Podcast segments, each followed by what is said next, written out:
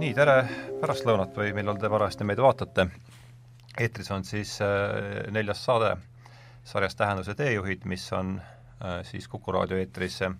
pühapäeviti kell viis ja, ja täispikkuses saadaval äh, Edmund Pööki seltsi mm, koduleheküljel, siis Youtube'i kanalil.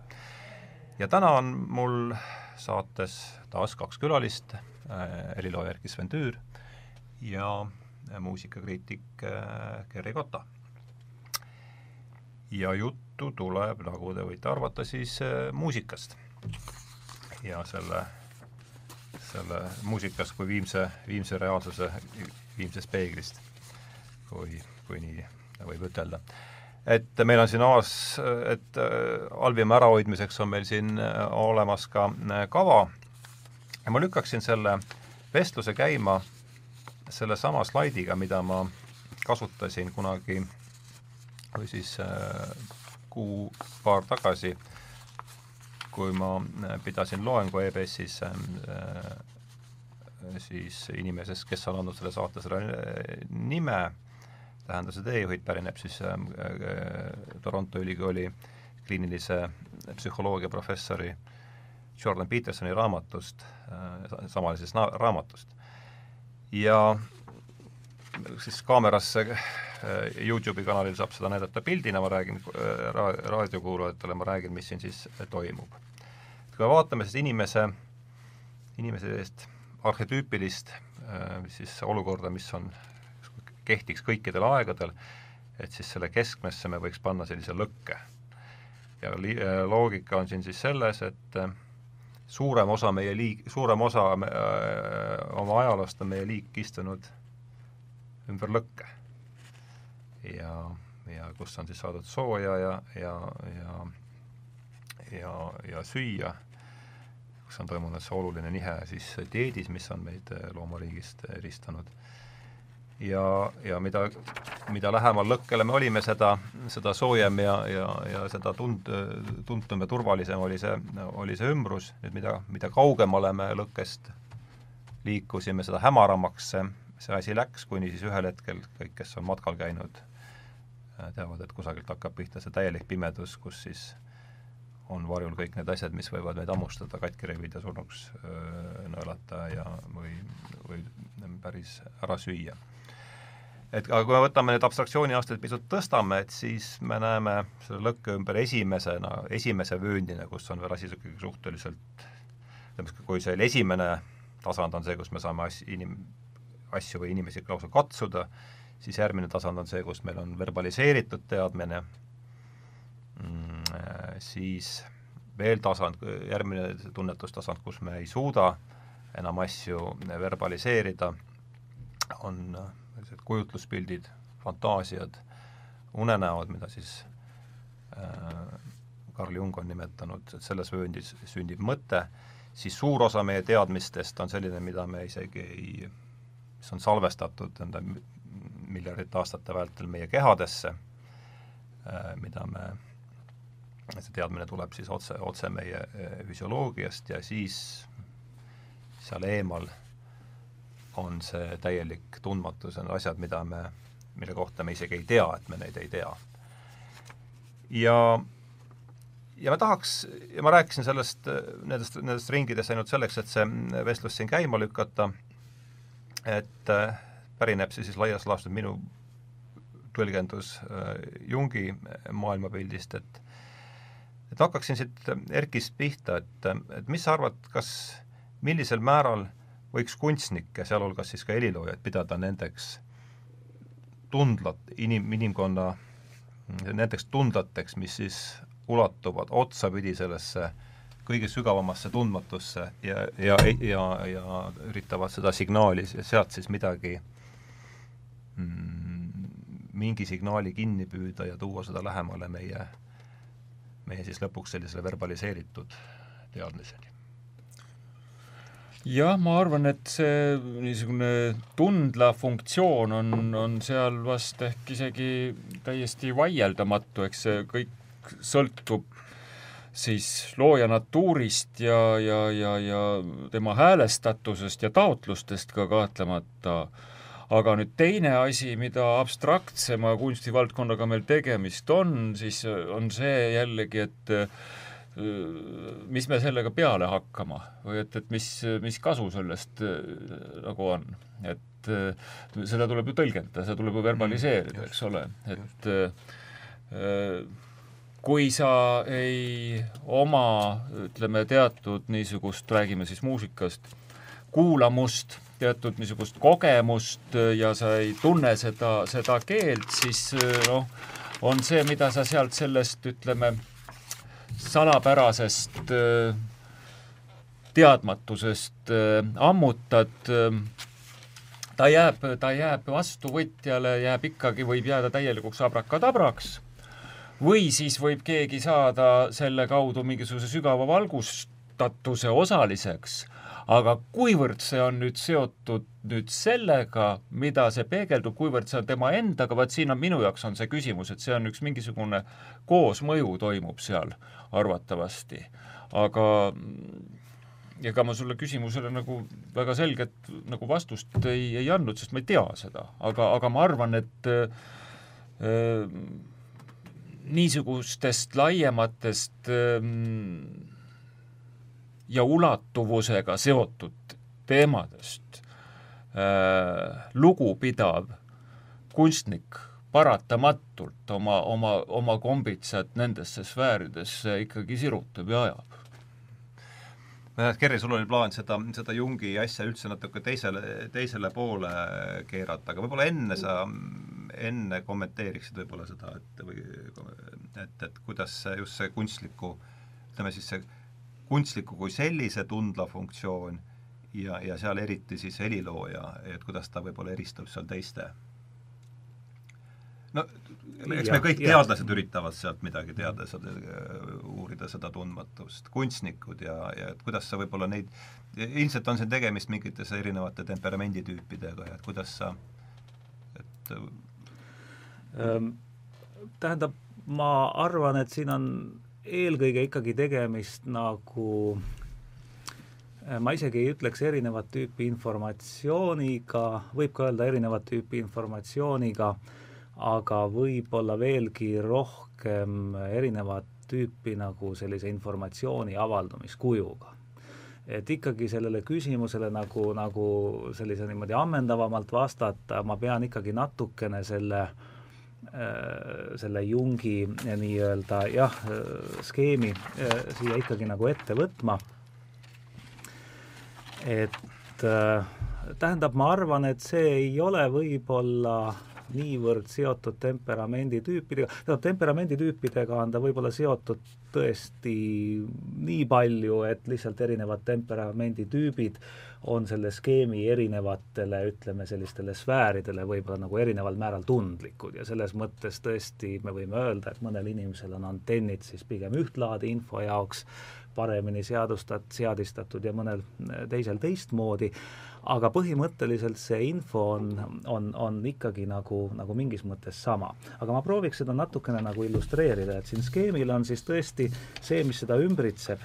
ümbritseb see, kogu seda siis, neid sfääre, siis see täielik teadmatus, mis ei ole isegi sfäär, vaid mis justkui nagu jääb nagu täiesti väljaspoole mm. kõigest sellest. et tõesti ka see, mille kohta me ei tea, et me seda ei tea ehm, ja ma hakkasin siin mõtlema, et kas see täielik teadmatus, see, see selline sõnastus ise viitaks justkui nagu sellele, et, et, et, et see oleks justkui nagu mitte miski või et seal ei ole mitte midagi, vähemalt noh, nagu teadmiste seisukohalt. ma siin spekuleeriks, et tegelikult võib-olla see niinimetatud täielik teadmatus äh, on teistpidi, kuna ta on mingis mõttes selline piirnähtus juba, liminaalne nähtus, võib ta teistpidi olla ka kõike teadmine, aga muidugi mitte mm, kõike teadmine võib-olla sellises mm, tavatähenduses, et, et ma, ma tean kõiki objekte. et ma tooks siit võib-olla ühe sellise paralleeli, mis minu noh, mis ehk muusikuid vähemalt kõnetab, et ma ei tea, kui palju teisi inimesi, kui palju inimesed teavad sellest, mis asi on sonogramm või spektrogramm, see on siis noh, heli nii-öelda selle õhurõhu muutuse äh, salvestusajas. ja kõik, kes nendega on, äh, sellega on tegelenud, teavad, et äh, spektrogramm käitub huvitaval viisil see tähendab, et kui me tahame spektrogrammi puhul ajada hästi täpseks selle vertikaalmõõdet, ehk siis tahame täpselt äh, paika panna selle, missugune on helistruktuur, tema osaheliline struktuur, millest ta koosneb, heli on väga-väga rikas ja ja sageli väga selline keerukas nähtus tegelikult, tegemist ei ole üksikvõnkumisega, vaid, vaid sellise kompleksvõnkumisega, et kui me ajame selle lõpmatult täpseks, siis samal ajal me peaaegu ei saa midagi väita selle kohta, kuidas see heli levib ajas. see tähendab, et ajamõõde ehk horisontaalmõõde äh, muutub nagu mingis mõttes olematuks. Või teistpidi, kui me tahame olla ülimalt täpselt, täpsed selles, missugused helilised sündmused, mis konkreetsel ajahetkel toimuvad, siis me liigume jällegi ebatäpsuse suunas, mis puudutab selle helistruktuuri nendes spektrogrammides. ja reeglina neid spektrogramme siis seadistataksegi vastavalt noh, nii-öelda püstitatud eesmärgile, et mis meid siis rohkem huvitab, kas pigem see temporaalne struktuur või pigem see vertikaalne heli enda struktuur. ja nüüd, kui tulla selle Jungi eh, skeemi juurde tagasi, siis äh, ma pakuks välja sellise, kuidas öelda, spekulatiivse mõtterännaku. et see täielik teadmatus ei ole mitte täielik teadmatus, vaid see on ikka seesama, et meil on ikkagi tegemist, kogu see väli on ikkagi info. Mm.. ja kui me räägime nendest ähm, äh, nii-öelda kontsentrilistest ringidest siin äh,, siis me tegelikult räägime selle ikka ja sellesama info nagu erinevast äh, avaldumisvormist ehk et me tegelikult ei liigu siis selles skeemis täielikust teadmatusest täieliku teadmise või sellise verbaliseeritud konkreetse teadmise juurde, vaid pigem me liigume äh, mm, jah, me pigem nii-öelda liigume üh-, ühelt teadmiselt äh, teist laadi teadmise suunas. et kui nüüd tuua, võtta taas paralleel selle, selle spektrogrammiga, siis näiteks võiks öelda, et see täielik teadmatus äh, kuna meil oli siin mõiste juba ka mm, või noh, meil siin nagu eelneval arutlusel tuli ette selline mõiste nagu protsessi filosoofia, ma siis võib-olla nagu hüpoteetiliselt ütleksin, et see täielik teadmatus oleks tegelikult ma ütleks siis niimoodi protsessuaalne teadmine, ma natuke leiutan praegu mõisteid. ühesõnaga, mõte on selles, et tegelikult äh, protsessist ei ole võimalik äh, mõelda nii, nagu me mõtleme tavapäraselt. Äh, siin võib näiteks viiteks tuua Bergsoni, see tähendab, et me tegelikult ajast on võimatu äh, mõelda, ma mõtlen nii, et meie mingi kontseptsioon, kontseptsioonile vastab tõesti midagi Äh, reaalsuses olevat, et kui me räägime nagu objekti teadmisest, siis noh, ma jätan igasugused freegelikud küsimused praegu kõrvale, et kuivõrd üldse äh, meie mingisugusele mõistele vastab reaalsuses mingisugune tegelik objekt, aga ütleme, et aga oletame, et vastab, eks ole, siis ütleme nii, et, et, et äh, objekti teadmise puhul mul on ikkagi konkreetne mõiste, sellele vastab konkreetne objekt, see tähendab, et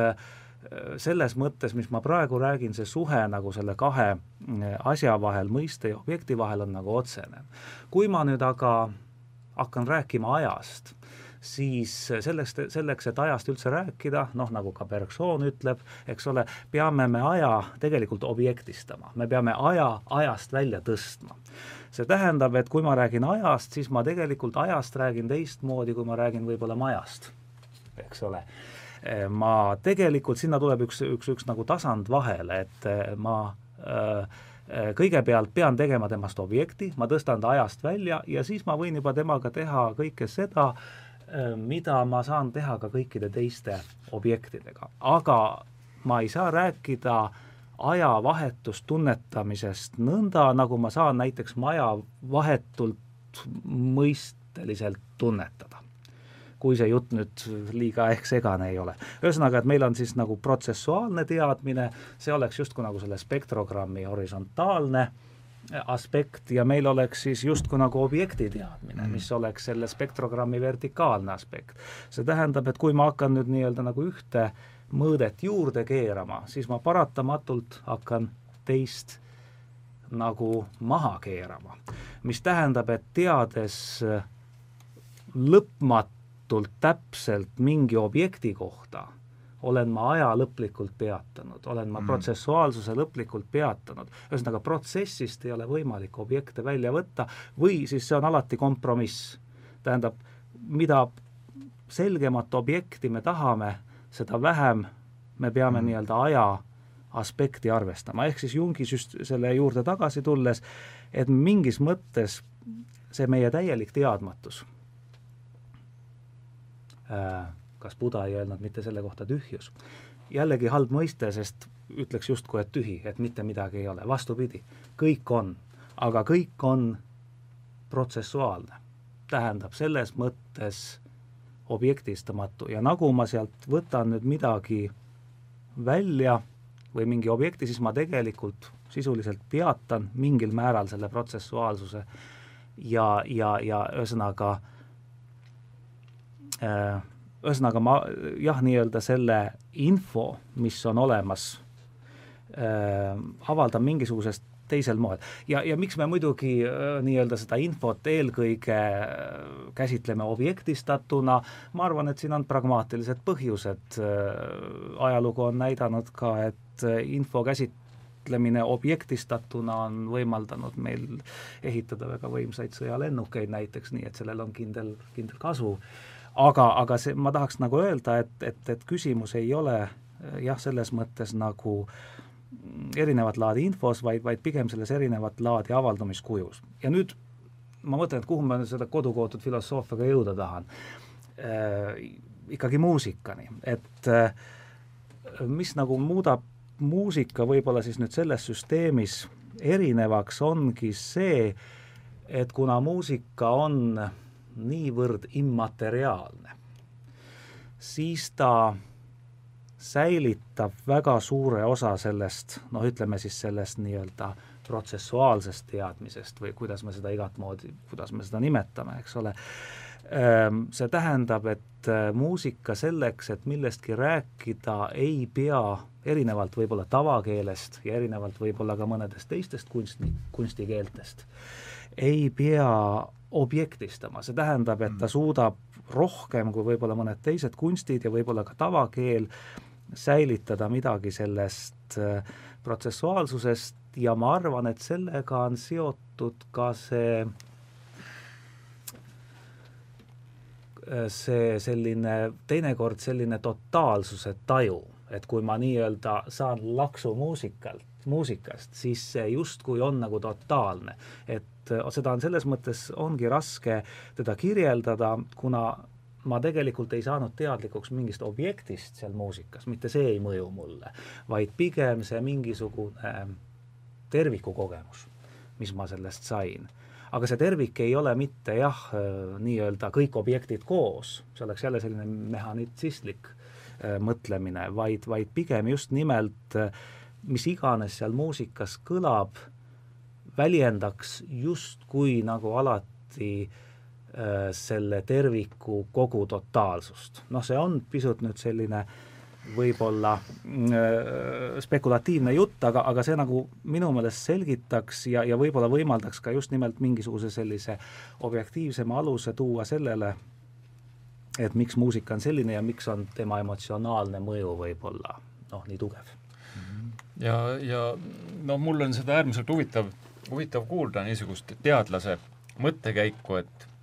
et kui tohib, ma nagu omalt, omalt poolt lihtsalt niisuguse praktiku ääremärkusena veel öö, lisan nagu ühe niisuguse nõustumise aspekti, et et vaat just, just selle aja objektistamise koha pealt ma pidevalt puutun selle probleemiga kokku, kokku eriti selliseid, noh, see ei olegi tähtis, kas, kas on tegemist nüüd suurema mõõtmelise või väiksema mõõtmelise siis ajateljel vaadatuna niisuguse teosega, aga et mul on noh, nagu sa tead, mul on eh, omaseks saanud, et ma teen palju selliseid eh, graafilisi protsesse, nii-öelda joonistan muusikalist vormi, eks. aga seal ma, ma võtan selle aja ju mingil, mingil mõttel ma objektistan ta ära, siis ma peatan mm. selle aja, sa, et, et aga äh, sellel, kuule, kuule, sellel, sellel, sellel, just sellel teljel juhtub üks niisugune kummaline üleminek, et ma nagu korraga öö, tegelen, tegelen nii nagu selle ülevaatliku asjaga, mis on tardunud, aga samas tas on see seesmine dünaamika kõik olemas. Ja, ja siis, kui ma lähen sinna tegeliku materjali ehk siis nootide ehk siis nende kõlade juurde, siis, siis see aeg uuesti käivitub, siis ma, siis ma tegelen, tegelen ikkagi sellega, et, et ma olen protsessis aga mingil, mingil hetkel, et see käib nagu edasi-tagasi, käib kogu aeg, et see on mulle õudselt tähtis, see teema, mina ei oska seda niimoodi sõnastada. aga see on jube põnev. ja ma lihtsalt tahtsin seda öelda, et ka kui helilooja no kirjutab nagu muusikat, vähemalt no minusugune tüüp, tegeleb väga noh, kuidas ma ütlen, väga intensiivselt nende parameetritega, mitte neid sel moel enesele teadvustades, aga tegelikult pidevalt olles üleminekust, ühesõnaga keerates kord seda vertikaali maha ja siis keerates horisontaali jälle peale, kui me nüüd võtame need terminid, eks ja. ole, kasutusele sealt spektrogrammist, siis see on maru põnev, et, et, et kuidas see tegelikult praktikas, kuidas, kuidas komponeerides, kuidas see teadvus niimoodi on vähemalt minu puhul pidevas niisuguses ümberlülitumise faasis või õigemini ta nagu võngub kummalisel kombel, tähendab nende olekute vahel ma küsiksin vahele, see on minu arust see üks väga oluline mõiste siin, mis on läbi käinud, tuli, tuli ta sisse kirjutus, seesama aja objektistamine, et, et kas järsku üritaks seda natukene äh, justkui aimamisi midagi saaks aru, aga, aga, aga keskendu, pane, võib-olla keskenduks siia võib-olla paar, mõne minutiga, et mida me selle all nüüd täpselt ja. mõistame? Äh, tähendab, jaa, seda võib olla esmapilgul natukene raske, raske mõista, muusikutel selles mõttes lihtsam, et, et, et kuna muusikud äh, noh, nagu öeldakse, peavad selja-ajuga ära tajuma, kas asi on õige. see tähendab, nad ei, ei objektista seda, seda protsessi, vaid, vaid, vaid see, see on mingi teist laadi tunnetuslik viis. ei, siin võib tuua väga lihtsa näite. näiteks noh, kui Bergson, Henri Bergson, kui ta räägib, ütleb, et noh, et mis me ajaga teeme kuidas me aega tajume, kuidas me ajast räägime. Bergson ütleb, et aga nõnda, et me mõõdame aega, aga ja olemegi aja aeg on kaotsi läinud, seepärast et mida tähendab mõõtmine, see tähendab, ma panen sinna ühe mõõt-, ma segmenteerin ta erinevateks tükkideks, ühesõnaga ma olen teinud sellest, mis loomulikult justkui voolab ja mis, mis on jagamatu mm, -hmm. fenomenoloogiliselt vähemalt. ma teen sellest äh, klotside rea sellise, tükid, ma segmenteerin, mõõtmine on segmenteerimine, mõõtmine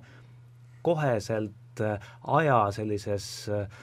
fenomenoloogilises äh, mõttes,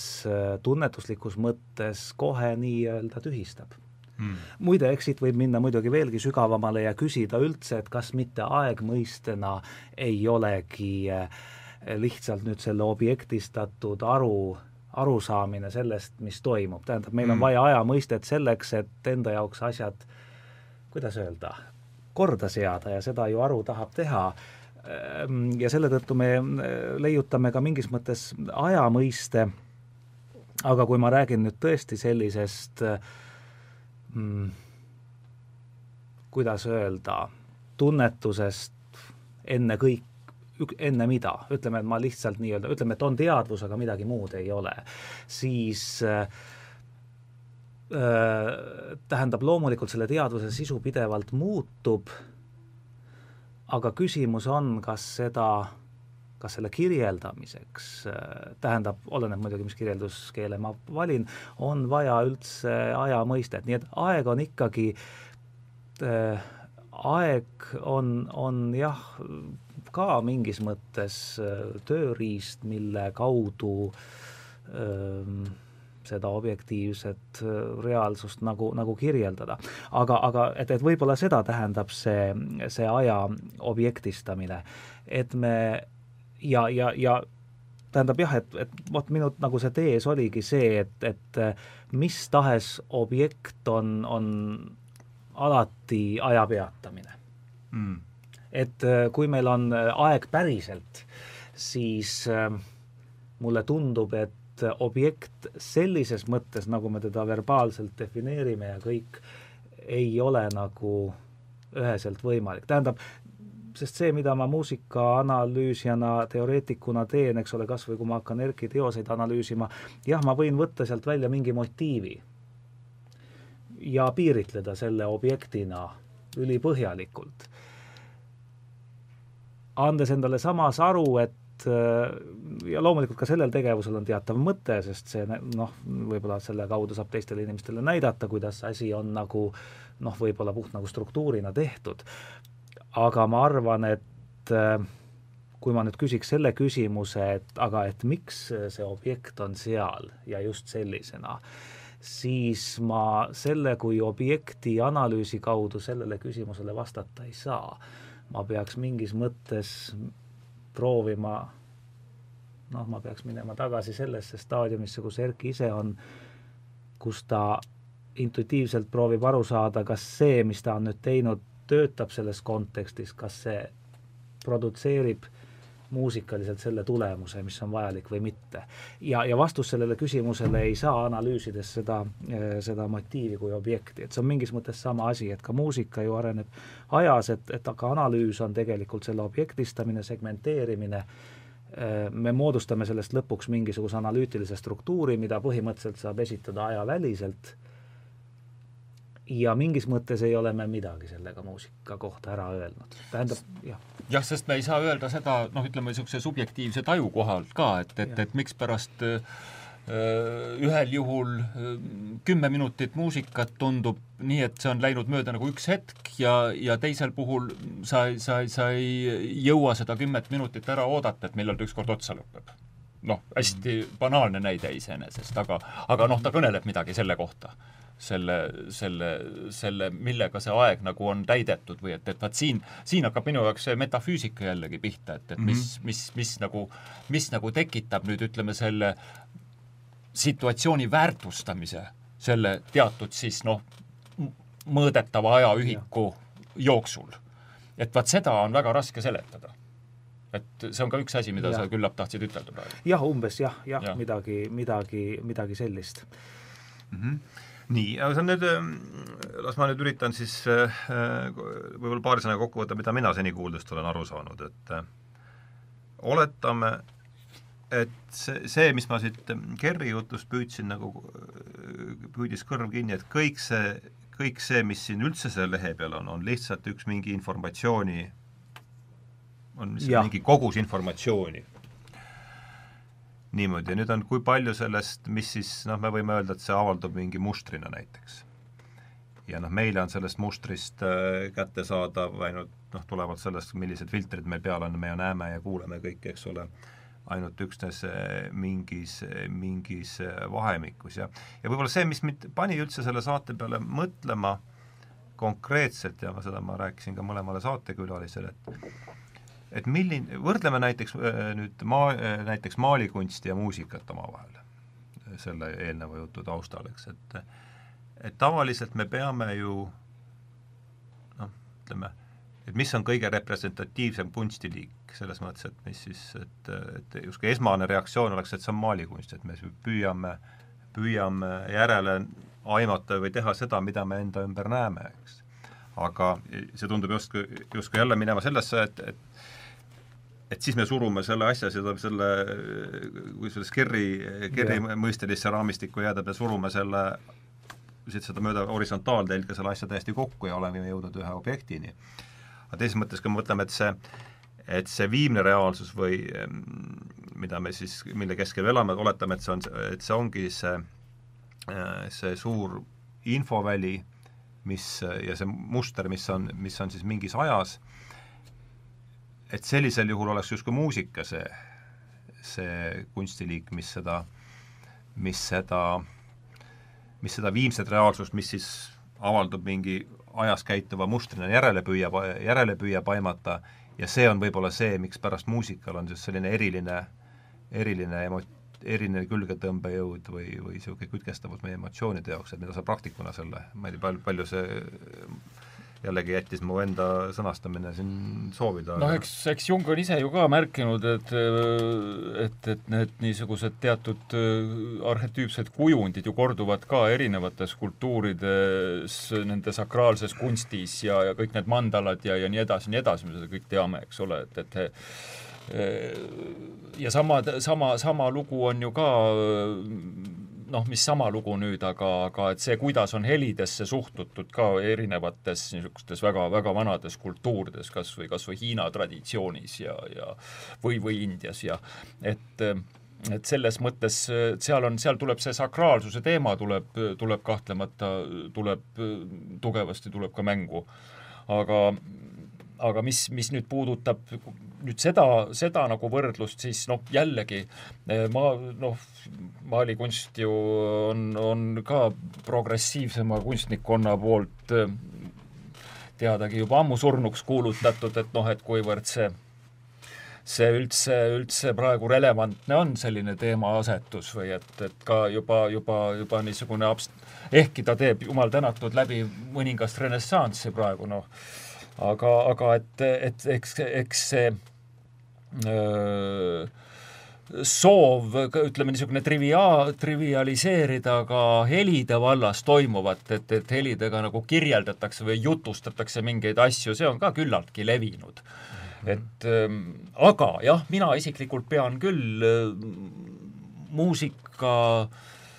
kui niisuguse kunstiliigi kõige ühte eripärasemat omadust just selleks, et ta suudab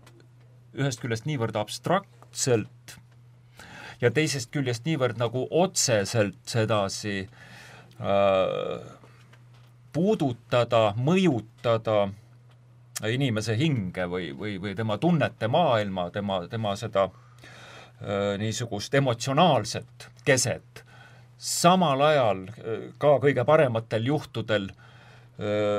täielikult angažeerides, täielikult haarates ka mõistust, analüütilist mõistust, võtame kõik noh, Bachi teosed näiteks, palun väga, et seal on need eriti ideaalsel kombel on ühendatud minu meelest just see tunnetuslik ja ja arhitektuurne ja niisugune ratsionaalne külg täiesti imepärasel kombel. et jah, mu jutt, jutt nagu jooksis ja jooksis, aga, aga mis vastust sa nüüd mu käest tahtsid õieti? et see seda sa ei saa ei, et aga lä-, lähme võib-olla Kerri juurde, siis tuleme tagasi, et, et mm, -hmm. et milli-, et kas mida arv-, küsimus konkreetne küsimus, et mida arvata sellest väitest, et, et muusika on kõige hästi võrdleme kahte, maalikunsti ja muusikat, et, et muusika on äh, rep-, et ta representeerib seda jällegi viimset reaalsust, noh, mis, kus me läheme sõna otseses mõttes metafüüs-... või pres-... koguni võib-olla siis. võib-olla, kui see on täpselt ja. see, mis seal intervjuus, eks äh, Petersoni ja äh, McIlchrasti vahel oli, et just seal oli seesama asi, et McIlchrast ütles, et jah, et ta mitte ei representeeri, vaid ta presenteerib seda mm. -hmm kuigi ma ei ole päris kindel, et ma saan nüüd mhm. sellest, ähm, võib-olla see olekski see, et, et Tähendab, mõtleks selle, mis, mis vahe siin tekib, et kui me kasutame ühte või teist sõna, representeerima ja, ja presenteerima, et see oleks tegelikult huvitav, sest ma ei ole kindel, et ma sellest ise päris täpselt aru sain. Äh, jah, eks ta võibki jääda natuke segaseks ja ega siin ei saa ise ka kindel olla. tähendab, äh, kindlasti kunstiteadlased nüüd hakkaksid võib-olla jah, protesteerima, kui me nüüd lihtsalt ütleksimegi, et maal, et see on lihtsalt tühipaljas reaalsuse representatsioon, aga muusika läheb siis tõesti olemise tuuma ja, ja nüüd annab selle laksu meile. eks nad mõle-, eks nad mõlemad ju püüavad ja, selle poole just, tegelikult, eks. Tõeline kunst peaks ju sinna ju et, et, et tõesti, kui, kui noh, tõesti seda maalikunsti siia tuua, siis maalikunst nüüd tõesti, ja kui me räägime traditsioonilisemast maalikunstist, see tähendab sellest maalikunstist, mille, mille ideaaliks on ikkagi loodust järgi aimata, nii nagu ta nii nagu ta omal ajal oli, enne, enne, enne kui temast, temast sai võib-olla midagi muud loodust järgi aimata, et siis tõesti maalikunst äh, võtab oma noh, nimetame siis neid jälle objektideks või võtab oma materjali tõesti äh, noh, nii-öelda siis meie sellisest silma või noh, nii-öelda nägemise kaudu äh, tajutavast reaalsusest aga muidugi, kui me nüüd neid maale nagu lähemalt vaatame ja proovime nagu ikkagi aru saada, miks need maalid on tehtud, siis nad ei ole ju lihtsalt tehtud selleks, et, et tekitada nüüd üks looduspilt, vaid reeglina see looduspilt nüüd tahab või siis ka mingi linnamaastik või ükskõik, mingi portree tahab meile tegelikult jutustada sageli veel hoopis midagi muud, mis on selle objekti taga ja äh, ehk noh, ja nüüd see sõltub jälle stiilist ja ajastust, eks ole, et impressionist võib-olla proovib just nimelt stopp-kaadrina püüda nii-öelda purki mingisuguse väga spetsiifilise hetke, kuidas see mingisugune nii-öelda väline reaalsus mingisugusel hetkel äh, paistab või, või, või näib kunstnikule, aga noh, seal võivad olla ka filosoofilised, metafüüsilised laadi teemad taga, eks ole, sest suuresti, suur osa ajaloolisest maalikunstist ikkagi ju on suuresti, ju põhineb, eks ole, kristlikel teemadel ja, ja kõige, kõigel sellel, et, et seal on ka omad veel igasugused pedagoogilised ja, ja didaktilised ja, ja veel muud momendid ka lisaks sellele esteetilisele kõrvale. nii et maalikunst selles mõttes kahtlemata kindlasti on ka nii-öelda, ei ole nüüd lihtsalt mingisuguse objekti selline äh, Äh, võimalikult täpne kirjeldus, vaid ähm, see protsessuaalsus, millest ma nagu enne rääkisin, on ka maalikunstis just nimelt nende mingisuguse sellise tagaplaanina sees. aga selles mõttes ma olen kindel küll, või olen nagu nõus küll, et muusikas äh,, muusikal ei ole nagu neid abivahendeid vaja, see on ühelt poolt justkui nagu muusikavoorus, aga see tegelikult puhtfilosoofiliselt ja eriti minevikus on olnud ka puudus, sellepärast et muusikat on väga raske põhjendada kauni kunstina, kuna on väga raske öelda, mis on muusika sisu maalikunsti puhul on meil lihtsam, me saame öelda, et vot sisu on see maja ja, ja vorm on siis see, kuidas see maja on maalitud, eks ole, seal meil ei ole eriti mingisuguseid probleeme. mis aga on muusika sisu? me oleme sellest ilust jahmunud, millest me oleme jahmunud, me oleme võimetud seda kirjeldama mm., me ei saa aru, mis on selle sisu. nii et eh, muusika tegelikult tõesti jätab selle materjali, mida maalikunst ja võib-olla mõned teised kunstiliigid kasutavad, nagu ära ja läheb kohe selle protsessuaalsuse äh, nagu sisse äh,. jah, siin on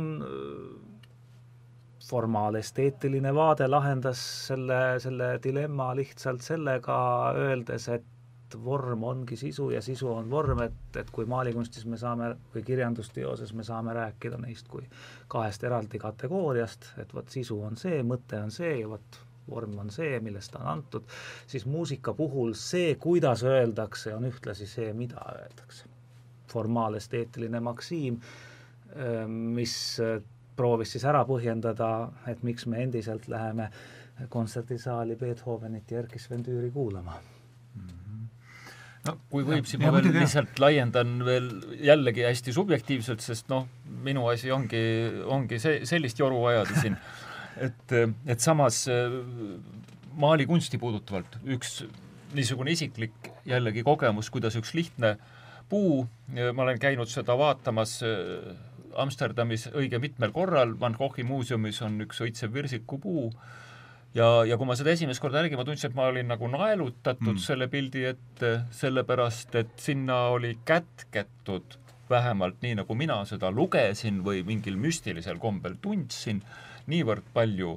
valu, igatsust, armastust, ma ei tea, neid kategooriaid võib veel väga palju lugeda, igal juhul see, selle pildi sees oli midagi palju enamat, kui üks õitsev mm. virsikupuu ja, ja, ja see on tegelikult see asi, mis, mis, mis noh, annab, annab ühele kunstiteosele sellise vajaliku sügavuse. Ja sama kehtib tegelikult ka muusika puhul minu meelest, need on väga, neid, vot need on nüüd jälle mingisugused äh, väärtused, mida on maru raske mõõta, mida on peaaegu võimatu mõõta, ta, ta on nüüd äh,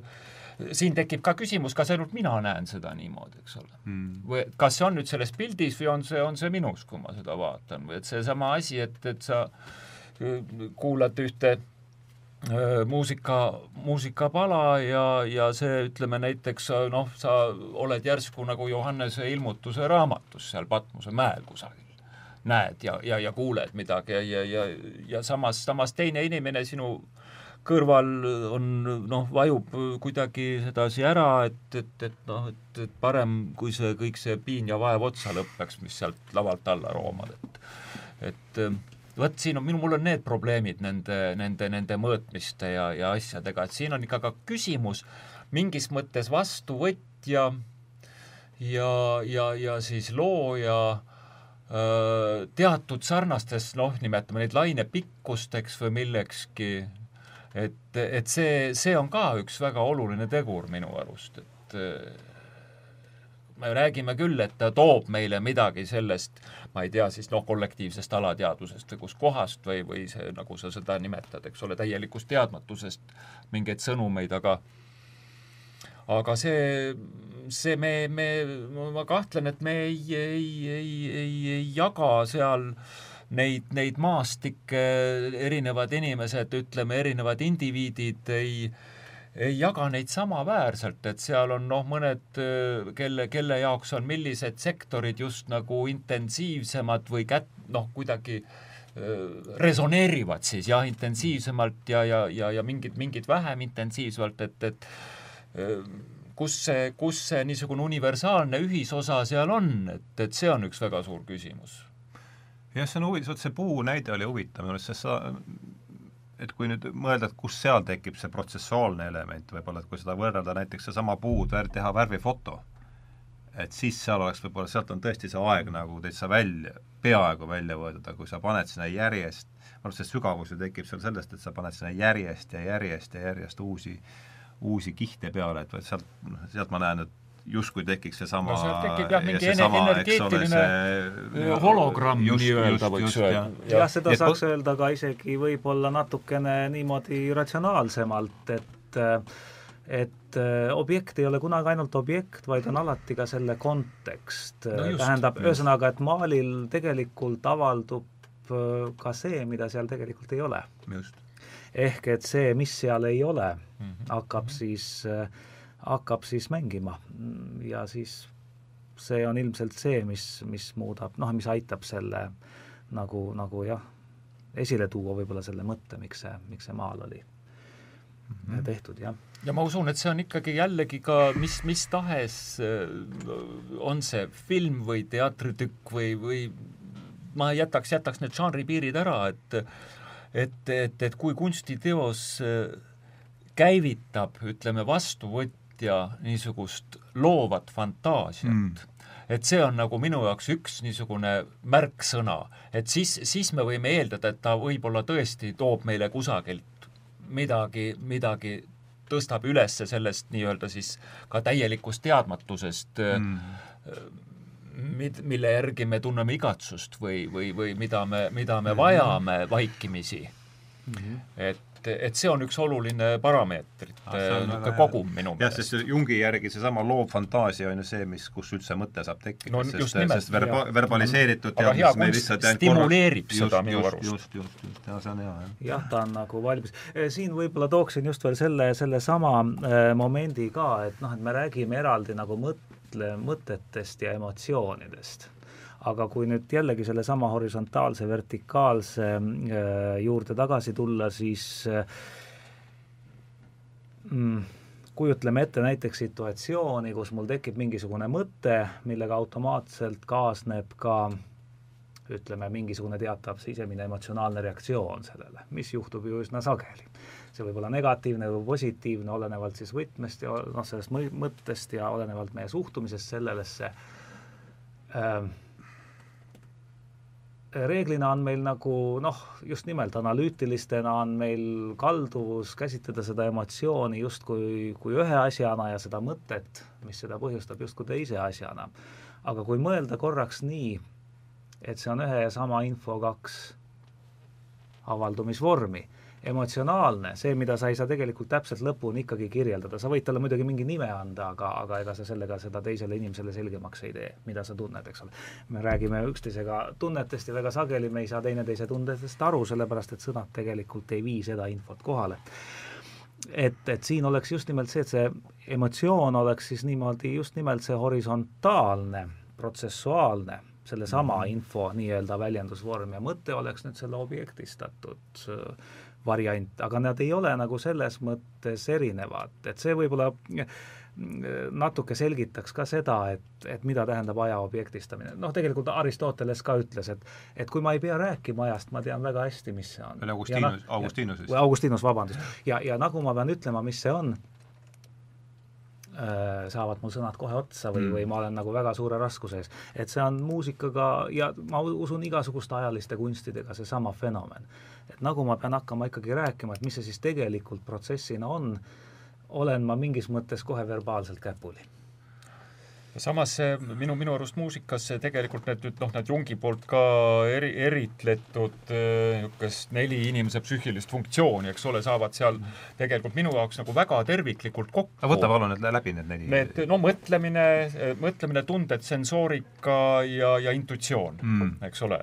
Et, et noh, puhta pu, sensoorika alla läheb noh, õhu võnkumine, me võtame, me kuuleme, see, see mõjutab, akordid, dissonantsid, konsonantsid, need, need, need mõjutavad meid, eks ole, puhas kvint annab meile mingisuguse ühesuguse madalad sagedused oma, omakorda mingisuguse, mis, kus on rikkalik ülemhelide spekter, niisuguse emotsiooni ja, ja see tuleb kõik selle järgi, see loob, need tunded kaasnevad sellega. samal ajal vorm, muusikaline vorm, kui me kuuleme niisugust ulatuslikku teada, meie mõte töötab sellega paralleelselt. me, me samas, samas minu analüütiline niisugune teadvus küll on angažeeritud sellel hetkel, kui ma, kui ma, kui ma kuulen mingit, mingit noh, polegi tähtis, no ütleme, võtame ikkagi mingit suurvormi, seal, seal ta on rohkem angažeeritud, eks ole pluss siis veel see intuitsioon ehk see niisugune asjade olemise noh, taipamine otse kui kuuenda meelega, eks.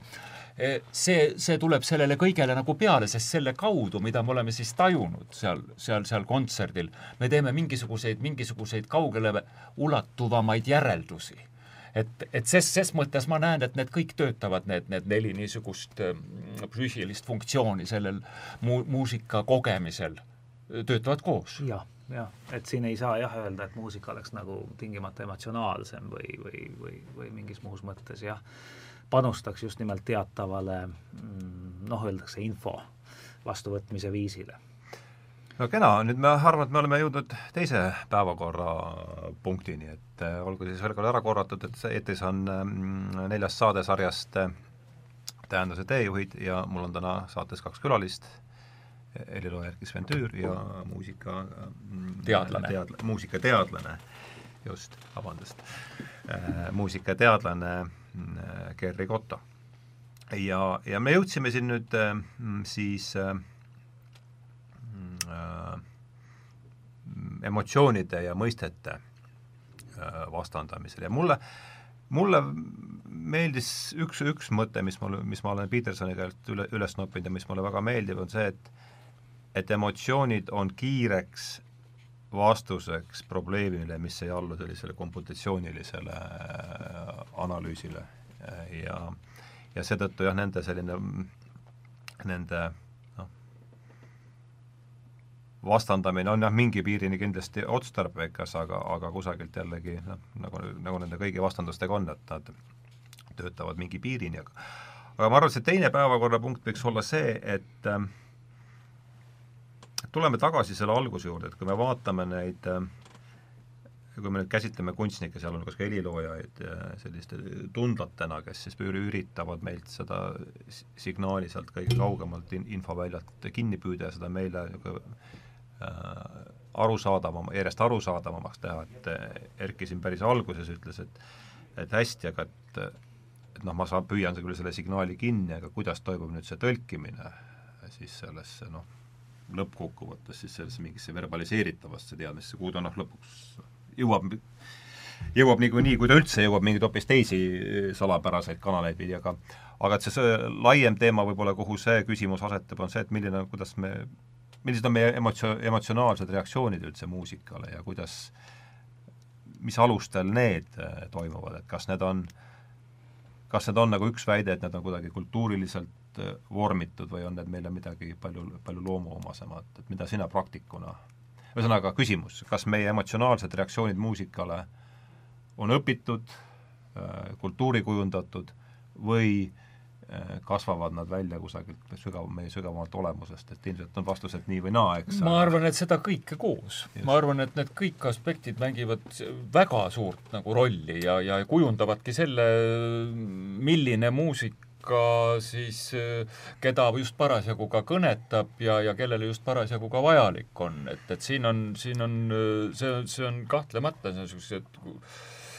kultuurisotsioloogilised aspektid, eriti just noore inimese kujunemise eas, eks ole, et osastuda millegagi, kus käiakse, millist muusikat kuulatakse esimeses armuvalus, nii edasi, nii edasi, eks, et see popkultuuris teadagi on, on sellel ääretult suur, noh, vaatame, vaatame ringi, kõik inimesed käivad klapid peas ringi mööda linna mm., linnatänavaid, eks ole. et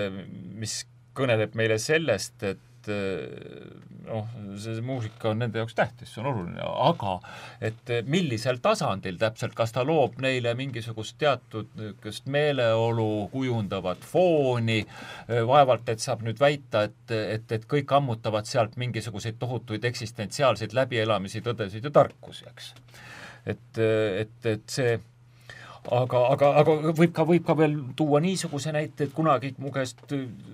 uuriti, seal oli keele või noh, nagu teksti ja muusika seostest äh,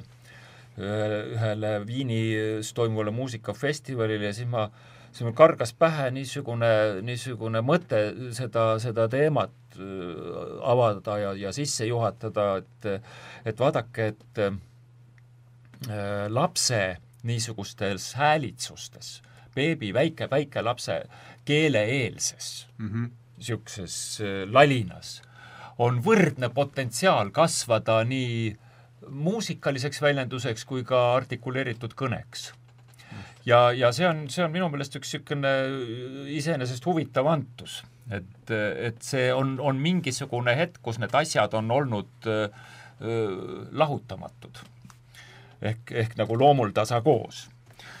ja muusika on olnud ka suuresti niisugune memoreerimise vahend, eks ole, väga pikalt. jah, et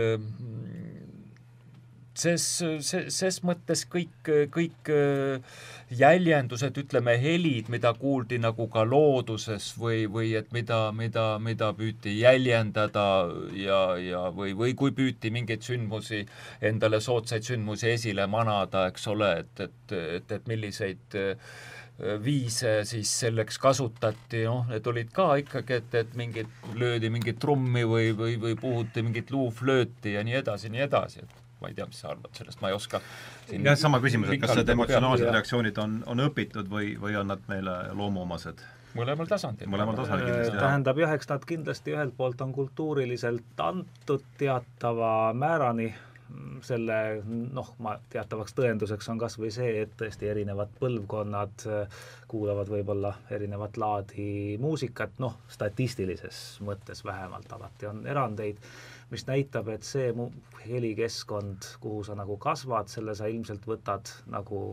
no just nimelt võib-olla mingil eelverbaalsel mm, tasandil juba, juba nagu omaks ja, ja, ja sellega on sul ka hiljem selle tõttu lihtsam suhestuda. Äh, aga jah, ma ei teeks siin sellist äh, postmodernistlikku statement'i, et, äh, et, et jah, et see ongi kõik. et kas või sellesama Jungi skeemi juurde tagasi tulles äh, Äh, ta ikkagi puudutab midagi, et ta on ikkagi seotud teatavat laadi infoga, selle info teatavat laadi väljendusvormiga.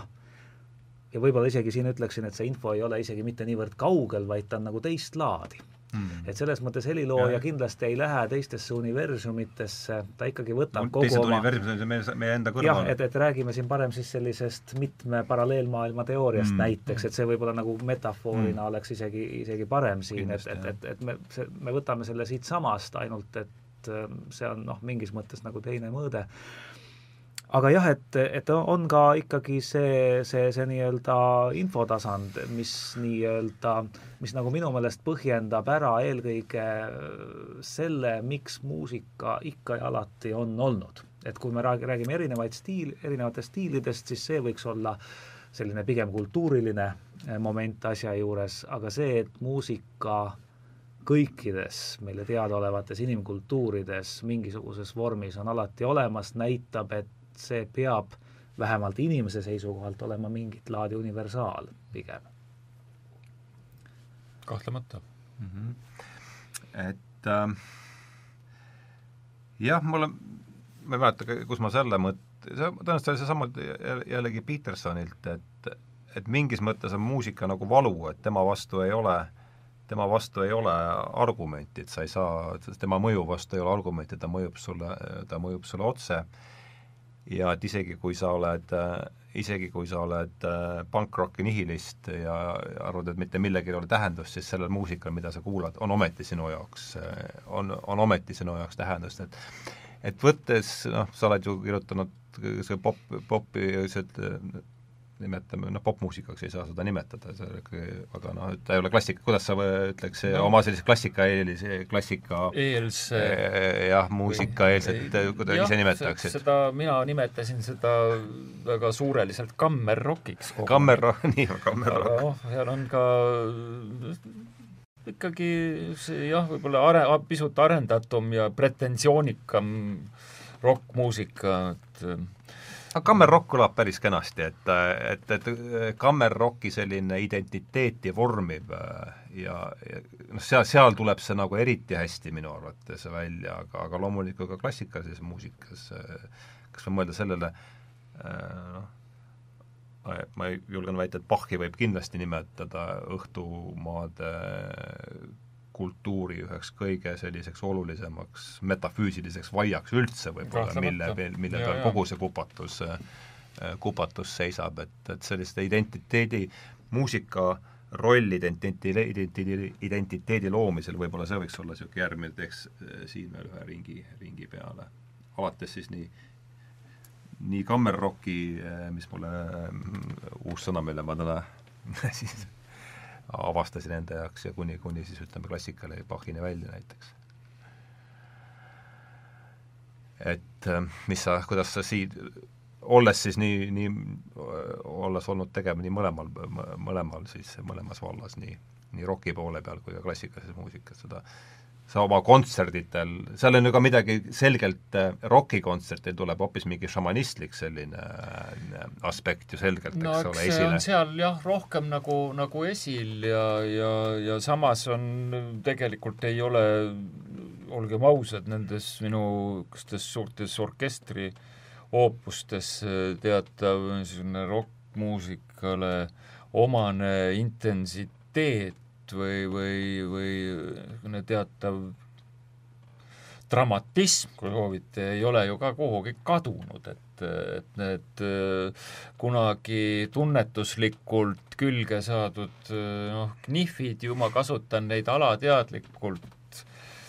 oma praegusteski lugudes, aga, aga nad on seal sidustatud väga paljude muude kihtidega, ütleme nii, et aga see esmasus või et see noh, ütleme mingisugune mm, maagia või, või, või kuidas ma seda nimetaks, tähendab, mingi, mingi liin peab, peab olema minu arust ka kõige, kõige komplekssema partituuri juures, mis ennast, ütleme siis, avab järjest rohkem korduvatel kuulamistel, et, et mida ei olegi võimalik ühe korraga kohe tajuda, saada, saada nagu kõigest aimu, mis seal nagu toimub või kõike jälgida. ma meelega ei taha kasutada sõna saada aru, sest see, et muusikas ei ole see küsimus, et ma, kas ma saan tast aru või ma ei saa tast aru, see on hoopis midagi muud mm, -hmm. on oluline. aga mingisugune liin või mingisugune hoovus, ütleme siis selle kohta hoovus, peab olema äh, nii nagu kuidagi kaasahaarav, see on nüüd minu veendumus, et, et äh, et, äh, et see nagu äh, peab äh, siiski algusest kuni lõpuni hoidma siis kuulajat, ma ei tea nüüd, millisest kuulamast ma räägin, ma räägin siis iseendast, sellepärast et ega ma kellegi teise eest rääkida ei saa, et kui ma seda mingit asja kirjutan, siis ma tahan, et, et mingi, mingi niisugune energia hoiaks mind algusest kuni lõpuni mm. selle kõlava helimateeria küljes kinni ja see on üks, üks väga tähtis parameeter või, või üks väga tähtis asi, mida ma nagu nii teadlikult kui alateadlikult ilmselt, ilmselt jälgin kogu aeg. et, et see, see on see, mida ma nagu tegija poolest saan nagu rääkida, et see ühendab, ma arvan, seda nii, nii mu kõige viimasemaid orkestrilugusid, kui ka neid kõige esima-, esise, esimesemaid katsetusi bändiga, et, et ma pöörasin selle peale ikkagi, ikkagi väga palju tähelepanu aga ma pole kunagi mõelnud, tähendab, selle peale, et see võiks olla niisugune, see on minu jaoks ime, kui ta osutub universaalsemaks, et ta mõjutab ka teisi kuulajaid. Et eh, ma ei ole kunagi teinud selliseid järeldusi, et vaat see asi nüüd mingisugune nähtus, mingisugune rütmivormel, mingisugune harmooniline niisugune järgnevus või mingi teatud meloodiline käik mõjub eriti hästi kuulajate peal, vaat seda ma nüüd kasutan, seda ma nüüd arendan veelgi edasi, et olla veelgi mõjusam. et, et see ei ole see, mida, millele ma nagu tähelepanu pööran, kui ma, ma muusikat kirjutan, et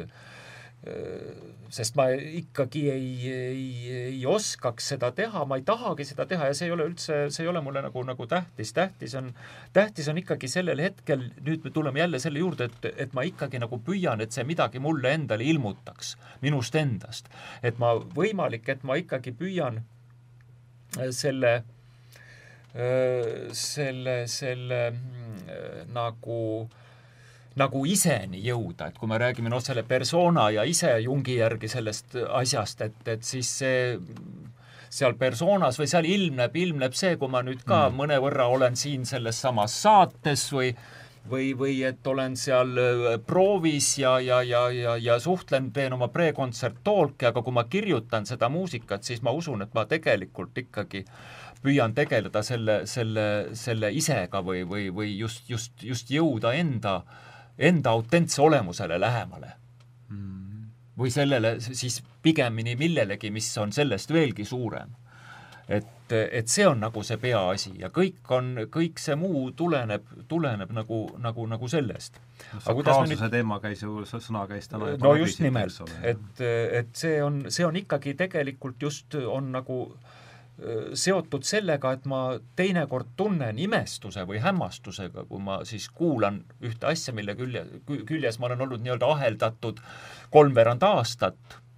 ja, ja, ja võidelnud seal iga takti ja iga, iga, iga noodiga ja, ja olnud, olnud väga väga, väga, väga kahtlev ja, ja, ja valiv ja, ja vahel on see läinud suurema hooga, vahel väiksema hooga, aga ometigi, kui see ükskord kõik on valmis ja kui see mängitakse maha, siis ma pean täiesti ausalt tunnistama, et ma tunnen, et see muusika on äh, targem kui mina. et ta on, ta on minust parem, et see mm. ei ole, aga ometigi on, on ta kuidagi, on, on ta ju minuga seotud. seda räägivad ka kirjanikud, eks. et, et järelikult, järelikult on seal toimunud mingisugune selle, selle, selle pika aja jooksul on siis filtreerunud sinna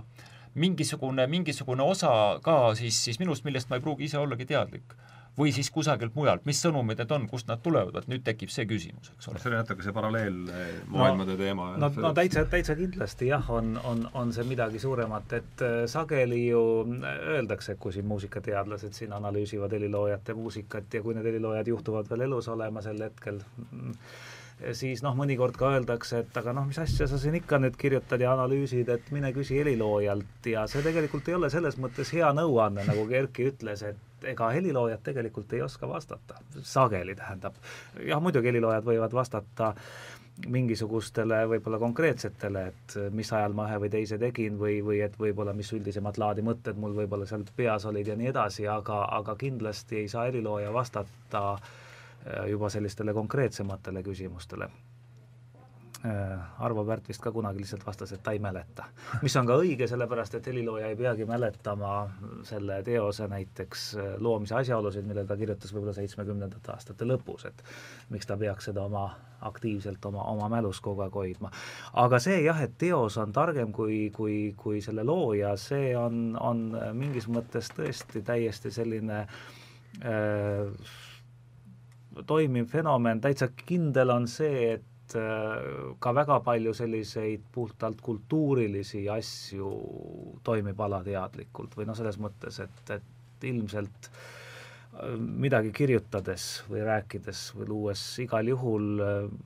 kasutame alateadlikult juba kogu seda mingisugust meile olemasolevat sõnavara aga noh, nagu Erkki Sven ütles, et, et tõesti, et kui siit minna veel sügavamale, tähendab, jällegi ma ütleks võib-olla mitte sügavamale, aga kui siit minna rohkem sellesse paralleelreaalsusesse mm. pigem võib-olla, et, et see, eks ole, Erki, mis sa nagu rääkisid, et ähm, see, et sa nagu võitled iga noodiga, ei tähenda seda, et sa peaksid iga noodi juures ju mingisugust filosoofilist dispuuti, eks ole, vaid see on pigem see, et sa mõttes mängid ja mängid ja käiad ja käiad selle enda peas läbi ja proovid aru saada, kas see on adekvaatne, kas see on õige antud kontekstis, kas ta täidab seda, isegi võib-olla täpselt ei tea, mis ülesannet, mida ta selles jah. kontekstis täitma peab, ja ühel hetkel võib-olla tekib tunne, ahah, nüüd asjad on kohal, nüüd ta toimib. et et äh, ja siis on veel see võitlus vahepeal, et, et kui sa oled mõelnud mingisuguse konstruktsiooni endale välja ja, ja siis, kui see intuitsioon on pakkunud sulle midagi, mis tekitab ja. tegelikult nagu vea või mis läheb Just. nagu konflikti sellega, siis sa võitled veel oma selle ja, ja, ja, ja selle kohaga nii-öelda. Ja, ja, ja siis intuitsioon lõpuks enamus juhtudel ikkagi selgub, et tal on nagu see viimane sõna on õige just, millest ma arvan ikkagi, et ka see on ikkagi, nagu juba varem öeldud, teatavat tüüpi info, aga mitte veel objektist, sest see, mida ma ikkagi mõistuses saan hoida, on noh, ma olen selle juba, mul on idee, see on tegelikult selge, piiritletud mingi objekt, mul on mingid taotlused, mida ma muusikateost komponeerides teen, ja see ongi minu meelest kõige huvitavam nii kuulamise kui ka ilmselt komponeerimise ja ja teistes faasides, et, et et intuitsioon võib tegelikult jah, mingis mõttes sellest üle sõita ja hiljem võid sa ka mõistusega nii-öelda tegelikult tõdeda, et ja tavaliselt nii juhtubki. et ta oli targem. jah,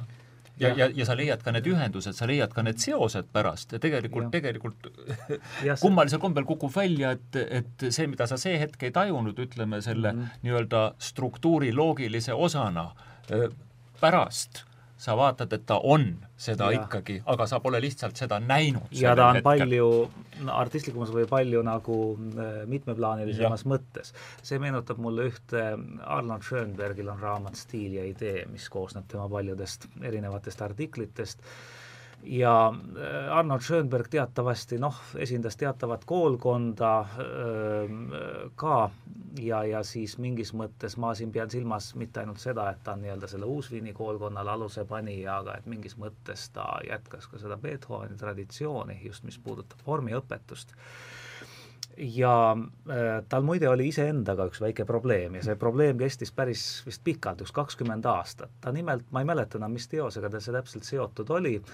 aga ühesõnaga äh, Schönberg teadis, et sonaadi vormis kõrvalpartii peab tegelikult olema peapartiist tuletatud, ütleme nii kõige üldisemas mõttes, et kuigi ta justkui esindab vastasreaalsust, noh, karak-, karakteri ja selle mõttes peab ta olema tegelikult äh, motiiviliselt kuidagi sealt tuletatud.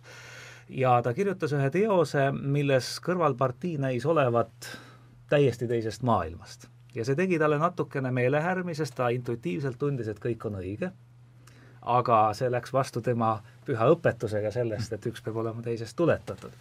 Ja selles stiilis ja idees ühes artiklis ta kirjutab, et äh, see võttis umbes kakskümmend aastat, kui ta tuli hiljem tagasi, olles juba täiesti ära unustanud kõik selle komponeerimisega seotud sellised konkreetsed asjaolud,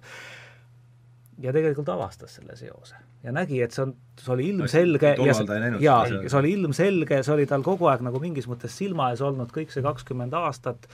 aga ta oli siis ka kuidagi nagu pimestatud mõistusest või, või millestki või mingitest ideedest, mis tal siis olid, et ta ei näinud seda kõige ilmselgemat, mida tema intuitsioon talle tegelikult ütles, et see minu meelest nagu näitab, näitab seda, et äh, siin on ka näiteks Arvo Pärdi teosed on selles mõttes väga hea materjal tudengitega analüüsimiseks just selle tõttu, et kuna Arvo Pärdil on väga ranged reeglid tema Tintinaapolis. aga mis teeb veel nagu huvitavamaks, on see, et ei ole teost, kus ta ei rikuks, ühel hetkel teeb ta selle vea. kui sa vaatad, et oot-oot, aga nii ju ei tohiks minna, sest sinnamaani on kõik läinud ülimalt rangelt, ilma igasuguste eranditeta. kuna see eelnev struktuur on niivõrd range, siis me saame öelda, et see on siin viga ja see on kummaline, et alati, kui sa jõuad sinna teose lõppu, siis sa saad aru, et see viga oli möödapääsmatu teha, sest muidu ei oleks see teos sellisena äh, saanud, saanud sündida, et, et see on, see on jah, üks selline paradoksaalne äh, moment, mis, mis muusikaga on seotud. mulle see mõte hakkas siin kõrva kerki, ütles, et, et kui ta selle üle kuulab, selle asja, et siis on, tundub, et muusika on targem kui ta on ise, et et kas see võiks öelda siis, enne sa ütlesid seda, mis mulle nagu jäi kõrva, et et, et et sa ei tee niimoodi, et ahaa, et see nüüd, see knihv mõjus kuulajatele, et nüüd ma hakkan seda järjekindlalt niimoodi ekspluateerima, et see oleks justkui niisugune, seda võiks nimetada siis olukorraks, kus sina oled ta, justkui targem kui äh, kui muusik ja kasutad seda teadlikult mingiks, äh, mingiks äh, eesmärgiks ära, kus noh, kujutavas, kuid siis sa võid sellega minna lausa propagandasse, eks ole, välja, et see ei no, no ei, ma, ma ei taha nüüd nii, niisugust muljet ka jätta, et ma, et ma ei, et ma ei tea, mis, mis mu niisugusele noh, keelele on omane või et, et ma absoluutselt mitte midagi ei korda, see ei vasta tõele, küll mul, küll mul ikka omad knihvid on, mille seljas ma ratsutan ka, aga, aga see noh, see teenib, teenib nagu seda seda üldist eesmärki, mitte ma ei mõtle sel hetkel seda, et, et kuidas võita sõpru ja mõjutada ja, inimesi. või kuidas sada takti täis kirjutada, sest täpselt, leping on ja peab üle andma, eks ja, ole. et, et see, see ei ole mitte see asi. Aga võib-olla selle, selle te-, teise osa lõpuks võib-olla, ma ei mäleta täpselt, mul ei ole siin kirja, seda ei trükkinud välja ka, et aga äh, Kerri, sina kirjutasid midagi, et suvaline euroballaad on, äh, see oli nagu muusika suht jah et on sul meeles täpselt see, et see kuidagi mul ei ole väga täpselt meeles, aga, aga, mõte... aga, aga mõte oli see, et ähm, ja see mingis mõttes jah, võtab kokku võib-olla selle teos on targem kui looja idee, ma kirjutasin vist midagi sellist, et ka suvaline euroballaad, mis näib koosnevat ainult klišeedest, äh, võib olla targem kui kõige sügavam analüüs mm. selle euroballaadi äh, kohta ja, ja, ja just nimelt äh, selle tõttu, et, äh, et muusika on äh, ja siin, siin me jõuame vist uuesti McIll Christi selle sedastuse juurde, et kui see nüüd oli tema, et muusika tegelikult ei väljenda, vot kuna me ütleme, et kuna muusik ka ei kasuta nii-öelda reaalseid objekte, mida me suudaksime ära tunda kui selliseid, siis, siis ta ütles seda, et, et, et, et, et noh, me reeglina kiputakse arvama, et muusika nagu väljendab vähem või noh, ei väljenda nagu eriti midagi, et see on pigem mingid ebamäärased emotsioonid, ja tema idee oli just vastupidi, et muusika väljendab rohkem. Ja see tegelikult viis mind ka sellele ideele, et see on lihtsalt üks teist laadi info, et muusika ei väljenda mitte seda või teist või kolmandat, vaid ta mingis mõttes presenteeribki, noh nagu Erki ka enne ütles, juba juba kogu selle olemise totaalsust, noh siis ütleme sellel konkreetsel hetkel. ta ei aima järele, vaid lausa väljendab ta ei aima järele, vaid ta mingis mõttes ongi selle noh, jah, selline ekvivalent mm, pigem mm,. jah ja, ja, selle ekvivalent ja, ja, ja mm., ja et ma selle ära tunnen, ma arvan, see on see, mis noh, nii-öelda mulle selle kuidas öelda, selle narkolaksu annab seal ja, muusikas nii-öelda, jah. et ähm, see oli jah, kunagi siin detsembris olin, oli sunnitud hästi palju erinevaid, ähm, erinevaid plaate läbi kuulama, sest kuulusin ühte žüriisse ja kuulasin kohutaval kombel eri, suures hullu hunnikus klassikalise muusika plaate läbi. Ja samal ajal tabas mind ka see, see gripp, mis siin, siin aasta siin meid, meid nii-öelda on kimbutamas olnud. E ja tõesti, see oli vist mingisugune Brahmsi klaverikontsert või ma isegi ei mäleta enam täpselt, mis see oli, äh, kus ma mingis mõttes kuidagi sa nagu said aru, et see hetk, et iga hetk tegelikult väljendab kogu tervikut, kogu seda minevikku, olevikku, tulevikku, kogu selles totaalsuses ja just seetõttu, et selle muusika kui selle olemise nagu ekvivalendi reaktsioon igal hetkel, kui, kui tegemist on suure meistriga, kes seda muusikat kirjutab, on alati niivõrd adekvaatne või niivõrd õige, et ta loob siis sellise teatava nagu mulje või arusaama tervikust, mitte ühest või, või, või, või teisest asjast äh,. nii et äh, nii et jah, et selline, äh, ma arvan, et see on äh, see, seda ma tahtsin öelda ka sellega, et see euroballaad selle terviku ekvivalendina on targem kui nagu öeldakse, õpetatud meeste kogu, kes võib-olla võtab selle osadest lahti.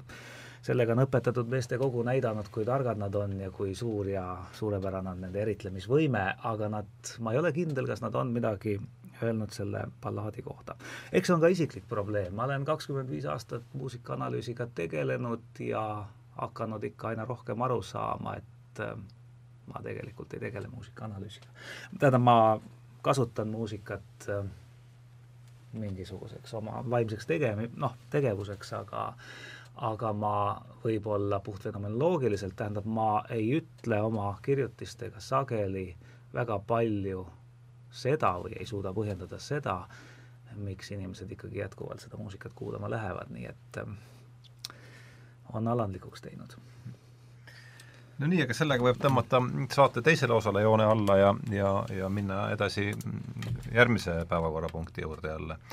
et tuletame siis meelde, et TT-s on äh, kolmas saade saateseeres Tähenduse teejuhid ja minu külalisteks täna on Helilio ja Erkki Sventüür ja muusikateadlane äh, Gerri Kotta. et mind ikkagi huvitab see, see, et jah, oletame, et nüüd muusika mitte ei aima järele, vaid esitab seda, mida täpselt, see jääb, jääb suureks, jääb suureks saladuseks ja, ja ta on selgelt teist laadi informatsioon kui see verbaliseeritud teadmine, aga ometi, ja võtame nüüd Erki, sinu, sinu viimase sümfoonia, ometi tekib ükskord see hetk, kus sa saad selle valmis, selle töö, või on see sul, mind huvitab, kust tekib see pealkiri? sest pealkiri on selgelt ikkagi ju verbaalne nähtus, et kusagil sinu äh, ajus äh, sisemuses tekib mingi side selle helimassiivi vahel, mille sa oled loonud, ja siis selle pealkirja vahel, mis on ometi, mis on ometi verbaalne nähtus, et kas sa seda suuda, et võtame konkreetse näite, et miks, miks müüt? mis no, sobib väga hästi sellesse, sellesse siia sarja praegu. jah, see on päris äh, lihtne põhjendada, et, et esiteks on minu puhul küll nii, et, et enamasti iga selline pealkiri siis lisaks veel, ütleme seal žanri määratlusele on ta instrumentaalkontsert või, või sümfoonia, peab jätma nagu piisavalt palju ambivalentsi, piisavalt palju nagu seda ruumi erinevateks tõlgendusteks ja avarust ja samal ajal siiski andma võib-olla noh, mingisugused suunised või, või siis suunis on natukene liiga niisugune kategooriline sõna, et, et noh, mingid vihjed võimalikuks häälestatuseks, kuidas seda kuulata ja, ja, ja, ja ja kuidas resoneerida minu mingisuguste, ütleme, intentsioonidega, et mida ma ikkagi siis olen nagu tahtnud lisaks sellele, et ma kirjutan ühte niisugust abstraktset teost, on seal ikkagi mingi tasand, et ma noh, mingisugust lugu nii-öelda seal ikkagi ka ju püüan jutustada. ja enamasti need pealkirjad ilmnevad nagu poole sõidu pealt või et kui ma hakkan ise aru saama, et oot-oot, et mis, millest, millest siin, et kus need, kus need raskuspunktid siin nagu on, et, et millega see võiks nagu haakida ja siis tulevad nagu erinevad niisugused äh, variandid pähe ja, ja eks ma tegelen ka nende otsimisega, kui, kui on vaja või kui mul on see tundmus, et oleks vaja nagu üht sellist tiitlit ja eks see, eks see tuli seal nagu poole peal. pealkiri tuleb tavaliselt hiljem, sul ei ole niimoodi, et sul on pealkiri valmis? või on vahel ka nii, või on vahel ka nii, et enamasti on nii, et tuleb hiljem ja on mitu korda olnud niimoodi, et, et lausa kõik on valmis ja siis ma leian, et, et siin võiks veel olla üks niisugune jah, osundav äh, ilus ja heakõlaline pealkiri ka, et see, see natukene aitab kaasa sellele nagu, nagu mida ma pean väga oluliseks siiski sellele loovale kuulamisele, et ma nagu väga tahan küll ja soovin, et, et, et inimesed, kes, kes minu muusikat kuulavad, et nad äh, nagu käivituksid loomaks oma mingisugust kujutluspiltide mängu või, või, või lavastamaks niisugust nagu oma draamat seal, aga aga see tuleb neile natukene nagu abiks, ma olen pannud tähele. Et see on nagu üks asi, aga teine asi on see, et see noh, kuidagi minu enda jaoks ka katalogiseerib mingis mõttes need teosed nagu ära, et, et mul on endal parem orienteeruda nendes ja võtta midagi sealt teadmiseks tuleviku jaoks, et mida ma olen juba teinud, mida ma veel ei ole teinud, milliste teemadega ma enda jaoks olen just nagu rinda pistnud ja nii edasi. et siin on hästi palju nagu tahke kogu selle, kogu selle, selle pealkirjade nagu valiku juures, aga, aga jah, sagedasti on niimoodi, et, et et see muusika nagu ise, mida ma olen juba teinud, nagu osundab seda, et, et, et mis siit nagu ilmuma nagu võiks hakata, et mil-, millise paralleeli ma siis võiksin kuidagi verbaliseeritud kombel hästi siis lühidalt nii-öelda noh, täiesti aforistlikult talle veel anda, eks. et, et see, seda, sedapidi, sedapidi see miithos sinna üheksanda juurde nagu ilmus ja peale selle see oli igati, igati sobilik ka noh, niisuguse Eesti sada tähtpäevaga, et, et see on nagu iseenesestmõistetav ja selge asi, et iga äh, rahvuse eneseteadvuse sünni ja, ja, ja omariikluse sünni juures ja sellega kaasnevalt on tohutu niisugune müüdi ladestus ja, ja, ja sageli nad käivad üksteisele vastu ja, ja ei käi ka ja kõik see on juba hoopis teine lugu, aga et noh, müütidest meil nagu pääsu pole. ja, ja, ja siin on see ikkagi niisuguse positiivse konnotatsiooniga, et, et no noh, mitte, mitte niisuguses triviaalses keelekasutuses, ah, et see on mingi müüt, mida tuleb kummutada mm., ma ei mõtle mitte seda, vaid ikka mõtlen ikka müüti tema algses niisuguses arhetüüpses tähenduses. tegelikult abstraktsiooni. aga kuidas äh sa oled ju uurinud nagu sa ütlesid, muusikat kakskümmend viis aastat, et eh, kas see teema on era-, pälvinud su tähelepanu eraldi, et kuidas heliloojad valivad, et just see, et et siin tekib, si-, kui on üks koht, kus tekib mingi side, konkreetne side selle väga abstraktse muusika ja, ja verbaliseeritud ähm, sfääri vahel, siis on see muusikateose pealkiri, eks? Äh, jah, eks see eriti kui tegemist on muidugi instrumentaalteosega jah, eks siin on, on muidugi, tähendab, nii nagu Erki ütleski, et äh, see mingis mõttes katalogiseerib helilooja jaoks, aga katalo-, katalogiseerib ka ütleme, kultuuriteadliku kuulaja jaoks äh, midagi äh, ja annab mingisugused märksõnad, iseenesest. See on jah, nii-öelda kontsertmuusika ajaloos juba suhteliselt äh, pika vinnaga, pika vinnaga teema, see tähendab, et tegelikult hetkest, kui tekib nii-öelda kodanlik muusika auditoorium, see tähendab auditoorium, kelle puhul sa ei saa eeldada, et nad kõik tunnevad muusikat seestpoolt, ma mõtlen selle töövõtteid ja nii, et sest ütleme, kui Haydn kirjutas midagi, siis Haydn kirjutas veel vürstidele ja ta võis eeldada, et vürst isegi vähemalt ühe sõrmega oskas ikka klavessiini mängida, ta tegelikult teadis ka selle asja köögipoolt, ta teadis, mida see tähendab, mis tähendab, et äh, Haydn võis kirjutada lihtsalt muusikat traditsioonilise heliloojana. Beethoven seda otseselt enam teha ei saanud, samuti heliloojad pärast seda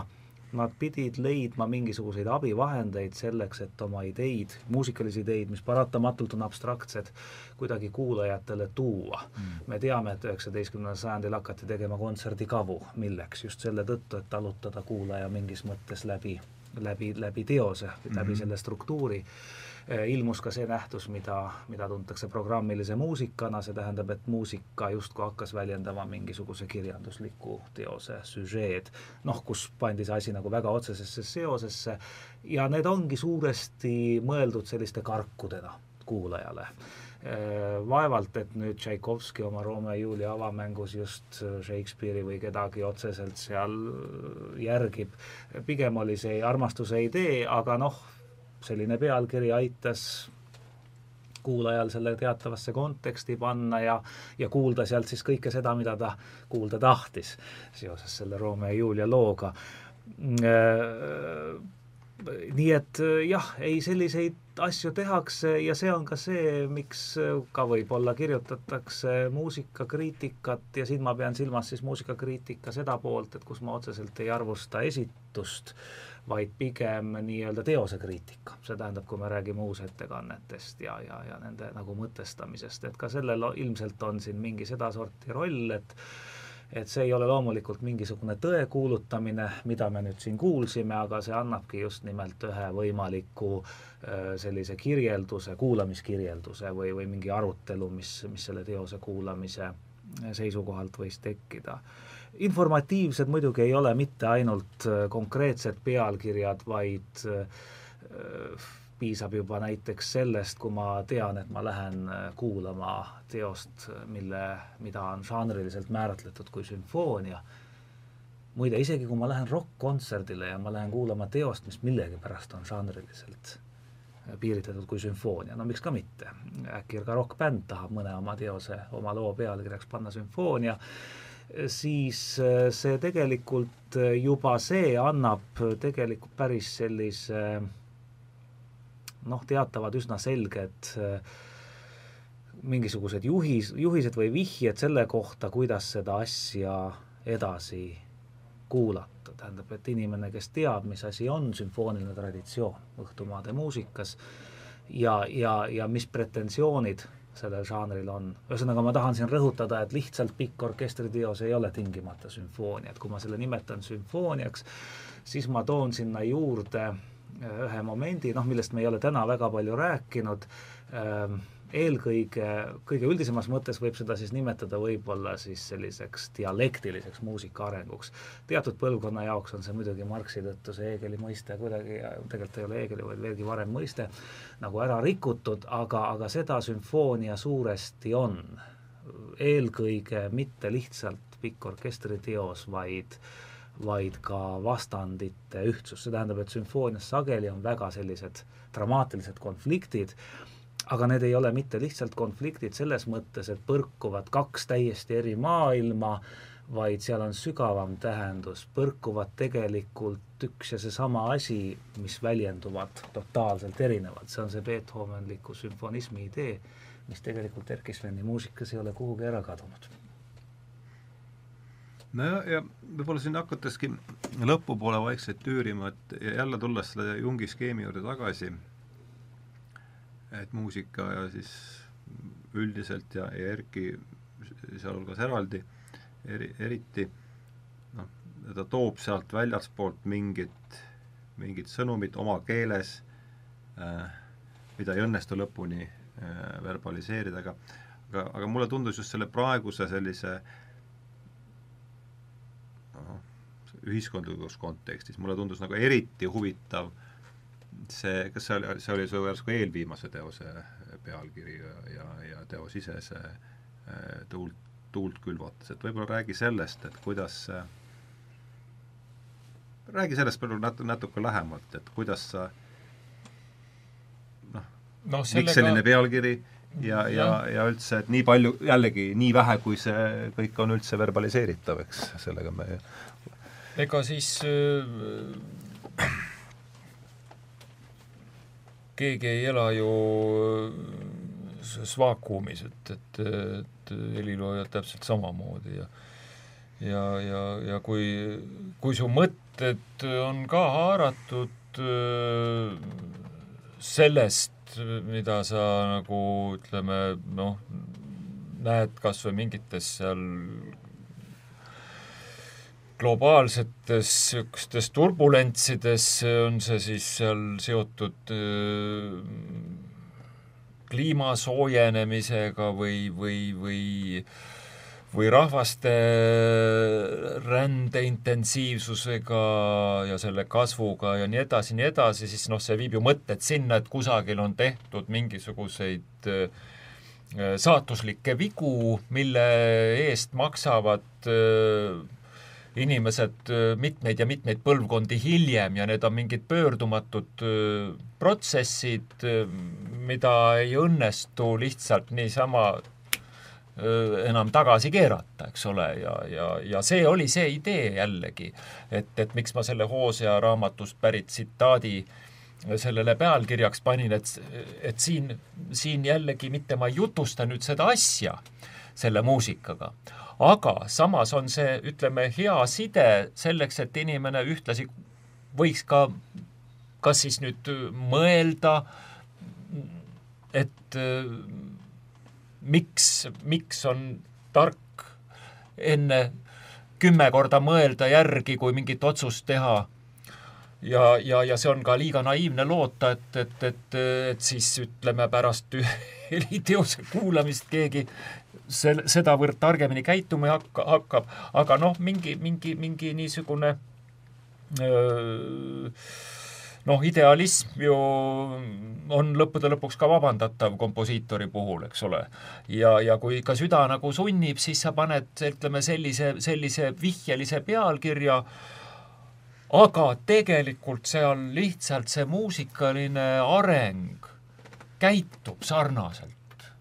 motiivide areng, see, kuidas üks asi viib teiseni täiesti ennustamatult, kuidas energia muutub, kuidas seal need nagu pöörised tekivad, et, et sealt on hea leida lihtsalt sedasama laadset niisugust sündmuste arengut puhta abstraktse materjali sees, mis on siis ütleme kusagil juhtunud, ütleme hoopis muus inimtegevuses, ütleme läbi aastakümnete või isegi pikema aja jooksul. et, et sellest tuli selle loo puhul see pealkiri, et, et, et ju ma tahtsin siis osundada sellele, et ma mõtlen nende asjade üle ja need lähevad mulle korda ja, ja teisalt ju ma siis tahtsin nagu osundada selle peale, et vaadake, et see et selles muusikas me kuuleme siin mõnevõrra selliseid sarnaseid arenguprotsesse, ometigi samal ajal, siin on nüüd see paradoks jälle, ma ei tahtnud, et see on mingi programmiline lugu, et ma nüüd vaat mingit väga konkreetset pilti siin maalin ette või räägin, räägin siin seda, teist või kolmandat, eks. pigem see oli meeleolu siis, jah? see, jah, meeleolu pole ka nagu päris, päris õige, et see on ta, nagu aga mis sõna sa, see on huvitav, et mis sõna sa mis sõna sa ma kasutaksin ikkagi mingit üldistust, et see on nagu, nagu mingi, mingi abstraktsioon sellest, sellest toimuvast või selle nagu mingisugune, mingisugune abstraktne peegeldus. et, mm. et see on, see on nagu taandatud nagu mingisuguse niisuguse, niisuguse füüsikalise, niisuguse toi-, füüsikalistele toimemehhanismidele, et kus on, kus on ka siiski see psühholoogiline aspekt olemas et ähm, jah, et ma arvan, vot see seesama asi, et ma arvan, et muusika on tegelikult arhetüüpne et kui no sa just. seal, et sa nagu, sa võid ükskõik mis teema sinna taha panna, aga alati tuleb ilmselt äh, nagu anda aru, et äh, see teema on alati käsitletud arhetüüpselt, mitte tähendab, me ei räägi konkreetse teema konkreetsest väljendusest ja seda tegelikult isegi mitte programmilises muusikas. Tähendab, kui inimene ei teaks, et seal taga on see programm, siis sellest muusikast endast ei tule ka programmilises muusikas see programm mm. kunagi otseselt välja, me lihtsalt oleme õpetatud nii, et seal vot see räägib sellest ja too sellest, aga see ei ole tegelikult üks-ühene seos, nii et ikkagi, aga kindlasti me tunneme ära, ahaa, siin oli mingisugused dramaatilised kohad, seal olid kuskil lüürilised, mida võib võib-olla seostada, ma tundsin nagu mingit armastuse tunnet või midagi. tähendab, me tunneme ikkagi need asjad seal ära, et samas ei saa ka öelda, et muusika oleks täiesti abstraktne, mis justkui ei väljenda midagi, ei väljendab küll, aga, aga jah, et alati arhetüüpselt ja, ja, ja selle tõttu need pealkirjad ja, ja just jah, et see ei ole isegi niivõrd jah, mingisugune emotsionaalne lihtsalt kontekst, mis luuakse, vaid, vaid pigem jah, ikkagi luuakse selle asja arhetüüp ja, ja, ja siis ja seal, ja sealt tuleb ka tema see, ma arvan, see, see jõud, see, see väljendusvõime. on erinev, kas ma lihtsalt räägin müüdi teaduslikus kuivas keeles lahti või ma kirjutan sellest sümfoonia, eks ole. muide, mulle tundub, et sinu viimased need kolm teost, mis on nüüd siin, ma mõtlen see Külva tuult ja Solastalgia, mis oli, ja nüüd lõpuks siis see üheksas sümfoonia müütas, et need on olnud sellised natukene katastroofi, eh, ma ei, võib-olla isegi mitte katastroofi teema, aga nad kõik on sellised, mille puhul võib öelda, et nad ilmselt ei ole kõige õnnelikuma lõpuga lood. Eh, nad ei ole muidugi ka võib-olla nii avalikult traagilised nagu mingi Tšaikovski kuues sümfoonia, et, et, et noh, kohe mitte midagi ei tahaks pärast seda teha ja, ja must meeleheide võtab võimust. aga nad on äh, natuke nagu tuleviku suhtes pessimistlikud. Ja muide, eile kuulasin just Klassika raadiost üle selle Solastalgia, mida ma ise ei saanud lausa kontserdisaalis seal kuulamas käia, ja tundub, et see on veel kõige jubedam selles mõttes, mul on tunne, et selles sümfoonias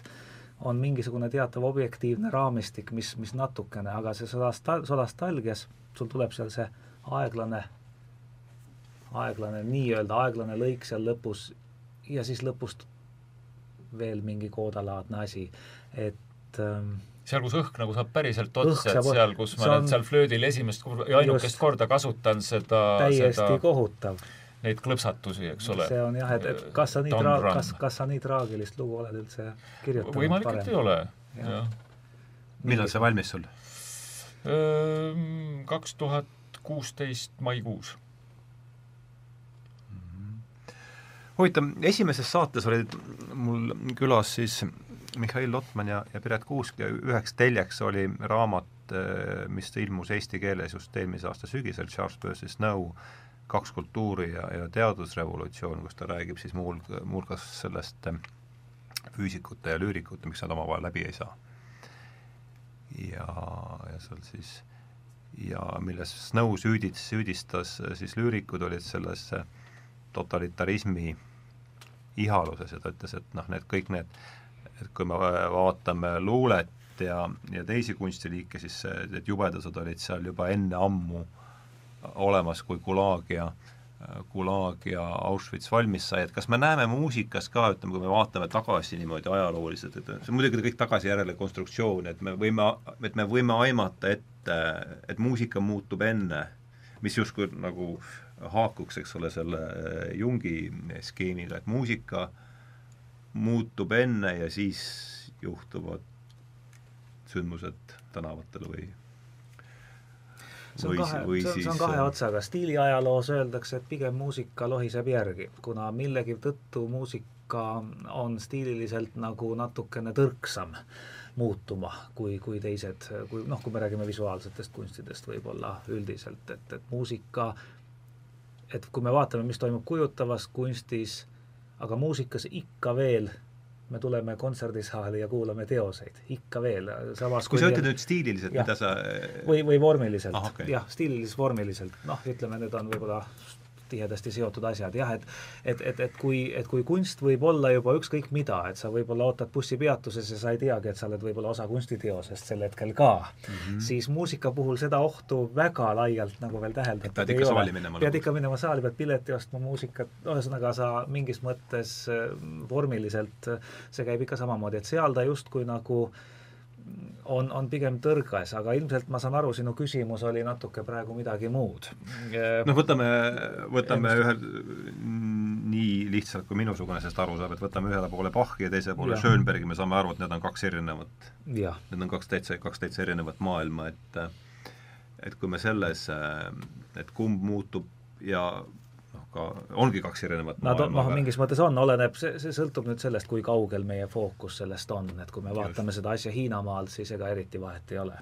aga mm. Euroopa kuld-, seepärast, et nad tegelikult esindavad väga sarnast traditsiooni no,, seda, mida me nimetame Euroopa õhtumaade kunstmuusikaks, nii et kui nii vaadata, siis, ja kui vaadata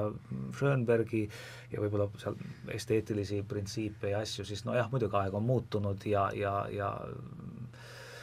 aga, aga, aga kuskil mingi linnulennult ei ole nad võib-olla hoopiski nii erinevad kui, kui, kui jah, seesama võib-olla Bach ja, ja paneme sinna kõrvale mingi India raaga võib-olla mm., mis, mis, mis on tõesti hoopis erinevad no,, erinevamad maailmad. aga küsimus oli vist see, et kas muusikal on võime ette ennustada või näha midagi noh, jah, kui seda niimoodi jah, jah. noh, selle, noh, ma selle jaa, ei ma põhimõtteliselt sinna ma, põhimõtteliselt sinna ma sihtisin. et kas ta on ennustamisvõimeline, tähendab jah, ta võib, tähendab selles mõttes, kuna kunstnikel on, nagu öeldakse, need tundlad, selle veel mitte objektiks saanud informatsiooni lugemises mm. natukene teinekord rohkem arendatud, siis nad ja kui me räägime tõesti asjast, mis ei ole veel mingiks objektiks või tõsiasjaks või reaalsuseks, noh, meie nii-öelda tava mõistes saanud,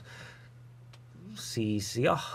nad ilmselt nad nopivad midagi üles, mingeid potentsiaalseid stsenaariumeid. mis, ja emotsionaalselt mis... siis võivad seda väljendada, pisut ehk utreeritumalgi kombel lihtsalt. aga nad kindlasti ilmselt ja. ei saa öelda, et vot järgmine kolmapäev juhtub see või too, jah mm. -hmm. aga, aga neid tendentse on... võivad nad peegeldada, mis on õhus ja mis võivad teatud arengute korral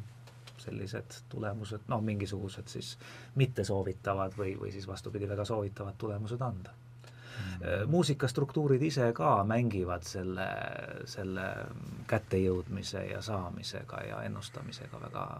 väga toredasti, et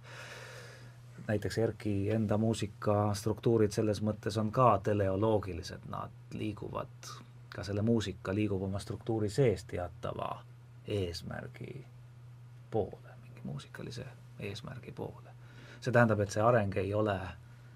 pime tal on teatav, teatav suund. eesmärk. see on teatavat tüüpi muusika, sest on olemas ka nii-öelda muusikaid, kus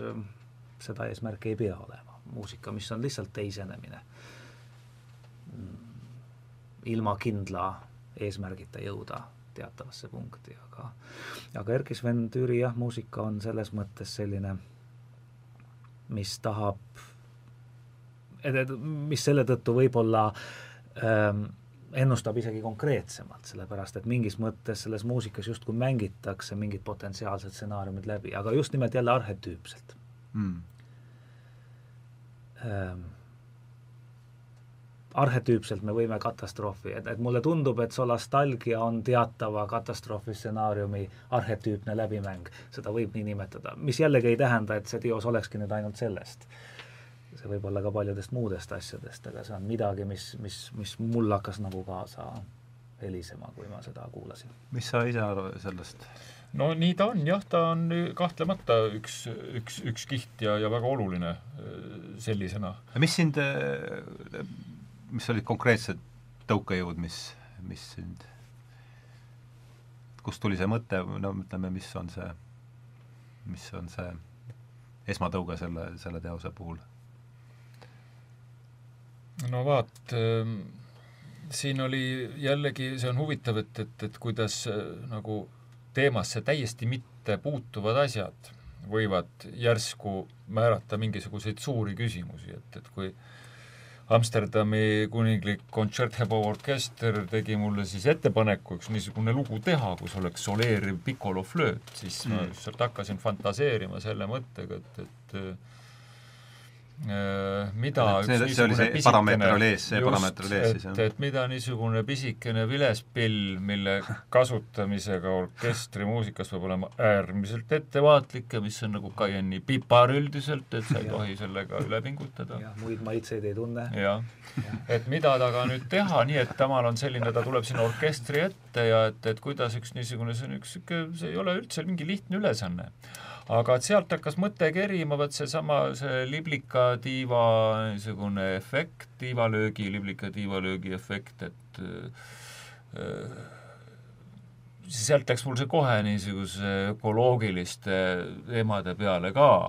mõte, et, et, et miks, miks mitte, miks mitte panna see asi niimoodi tööle, et, et see äh, pikoloflööt on just nagu päästik, mis vallandab alguses väga selliseid noh, süütuid ja, ja väga kauneid niisuguseid kõlakujundeid, mis hakkavad jälle hoopis omasoodu andma siirdeid hoopis järgmistesse instrumentide rühmadesse ja kõlavärvi kombinatsioonidesse ja kogu see asi läheb nagu ennustamatult järjest pöörasemaks ja pöörasemaks, aga see pikolo kogu aeg toimetab seal ja äh, korjab siis samas vastupidi mõjutusi sellest, mida ta on juba ise nii-öelda korda saatnud nii-öelda. ja, ja, ja, ja, ja läheb intensiivsemaks ja ja järjest enam intensiivsemaks ja nii, et see kõik jah, on üks niisugune äh, ikkagi väga, väga nagu muusikalisest mõtlemisest ka tingitud äh, võimaluste siis selline salv kust ma siis valisin selle, et jah, et see on väga hea panna talle see pealkiri, et ta, et ühest küljest ta nagu see solastalgia, mis on siis äh, Glen Albrechti ühe niisuguse äh, Austraaliast pärit mõtleja poolt äh, välja mõeldud sõna, mis, mis, mis väljendab seda tunnet, mis sind valdab, kui sa oled küll oma kodus, aga kogu su ümbruskond on tundmatuseni inimkäte tegevuse tagajärjel nagu muudetud et sa ei ole enam kodus, ehkki sa nagu geograafiliselt küll paikned seal, aga su ümber on kas siis tööstusmaastik või, või, või, või maha raiutud mets või, või kaevandus või mis iganes, eks. et, et ühesõnaga ühest küljest selle muusika areng kuni teatud maani nagu äh,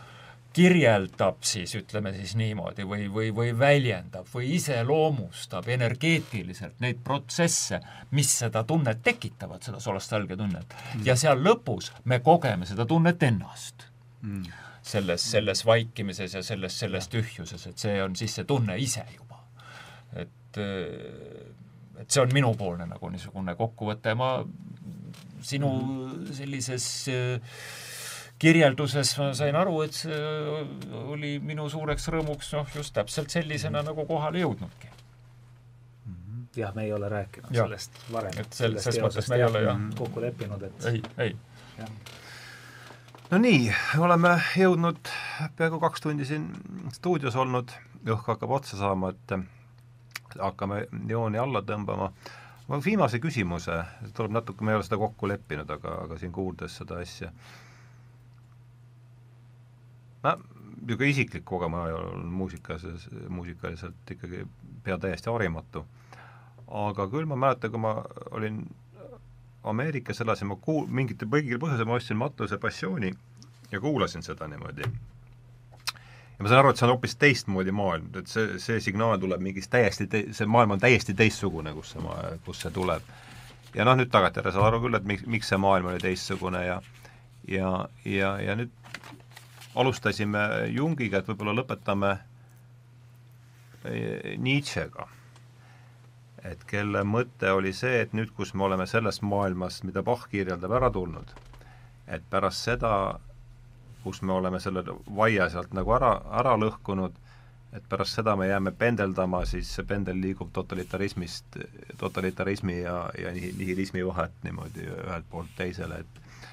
et ma küsiks teist, kes te analüüsite siis seda tundmatut, mis on tegelikult, see suur tundmatu on ju tulevik, eks et me võime seda ka niimoodi võtta, et, et see, et analüüsite siin igaüks oma vahenditega, kuhu teie arvates see pendel praegu, praegu liigub? väga tänamatu ülesanne on, on enam-vähem vist Wittgensteini võin, võin osundada, et, et ma ei tsiteeri küll täpselt, aga miks, miks, miks tema arust oli ka väga väga mõttetu tulevikku püüda ennustada, sest me teeme seda selle põhjal, me oleme näinud seda arengukõverat ja siis me jälgime sedasama, modelleerime, aga see on pidevalt muutuv ja me, me ei suuda ma, seda ma, ennustada. ma sõnastaks siis, ma sõnastaks siis üles, ümber küsimuse see- niimoodi, et kuhu muusika ütleb selle pendli, mis, mis suunda äh, siis, äh, kuhu muusika ütleb selle pendli praegu liikuvat? nii nagu see oi, ei tea, vaata ongi paraku, paraku kui me ütleme, kui me ütleme, et, et kuhu või küsime eneselt, kuhu muusika ütleb seda suunduvat, siis me peame järgmise het-, järgmisel hetkel kohe sedastama, et neid muusikaid, mis meile igasuguseid asju ütlevad, on nii loendamatult palju, et minul selles pildis küll mitte mingisugust selgust ei ole. mitte mingisugust. mitte mingisugust. jah, et äh, nojah, et eks ta segadusest kõneleb mingis mõttes segadus on, jah, selles seal on ja tundub, et segadus läheb suuremaks, aga jah, segadus tekitab igatsuse selguse järele. vist võib. jah, siin peaks võib-olla lihtsalt lootma, et me ei annaks sellele igatsusele järgi selles vormis, et me tõesti hakkame totalitaarselt kehtestama mingisuguseid selgusi, jah, või selguse, uue selguse normatiive. uue selguse Ja- normatiive, et ähm, et ähm, taha, ega siin muud ei oska öelda, kui, kui tahaks loota, et see segadus ja kaos selle võimaliku uue selguse ikkagi lõpuks ise genereerib. ja mis meid puudutab, siis ma usun, et ma ei ütleks, et me oleme täiesti passiivsed siin, aga ma arvan, et üks väga oluline omadus on olla selles mõttes avatud, et sa siis selle nagu ära tunned, sest ilmselt ei ole see selgus mitte see selgus, mida meile praegu proovitakse selgeks teha, et mis, mis selgus on, eks ole, eks meil selliseid kiirlahendusi pakkuvaid firmasid, parteisid ja teisi ole ju omajagu. Ähm, jah, et kui vaadata, no just nimelt, et muusikaid on, on palju ja, ja, ja kas nad siis, kas me saame neid äh, vaadata mingi Delfi oraaklitena, kes siis ütlevad meile, mis, mis meil homme on ähm,. aga, aga jah, kui seda muusikat vaadata, siis äh, noh, kui tuua kas või Eesti näide, siis ähm, see on muutunud minu arvates mingis mõttes orgaanilisemaks, mingis mõttes feminiinsemaks, mingis mõttes kasutab see sellist materjali,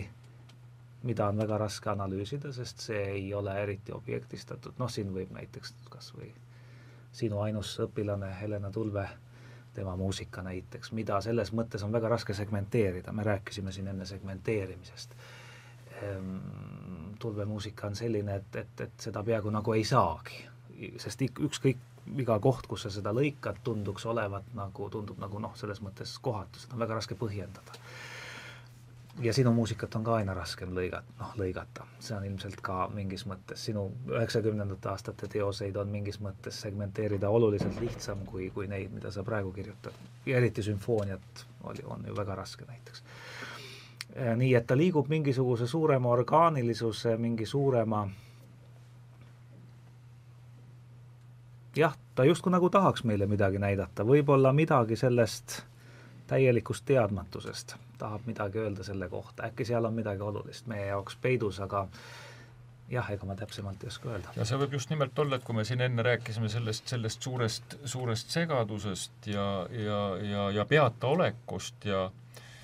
igatsusest selle selguse järele, siis tegelikult see selgus saab tulla ainult läbi selle, kui tajutakse või nähakse, kuidas kõik kõigega on seotud, minu arust. ja, ja, ja siin on jällegi see üks noh, nagu võib-olla mõistukõnena ma ütleksin, et, et vaadakem ka seda, neid, neid teemasid, mida siis nüüd praegu, kahekümne esimesel sajandil juba pikalt-pikalt Nietzsche järgsel ajastul väga paljud meie heliloojad nagu kasutavad, eh, mille vai on väga tugevalt samas kohas, mis oli Johann Sebastian Bachil. ka see võiks midagi kõneleda või vähemalt see võib kõneleda igatsusest millegi järgi eh, ja, ja,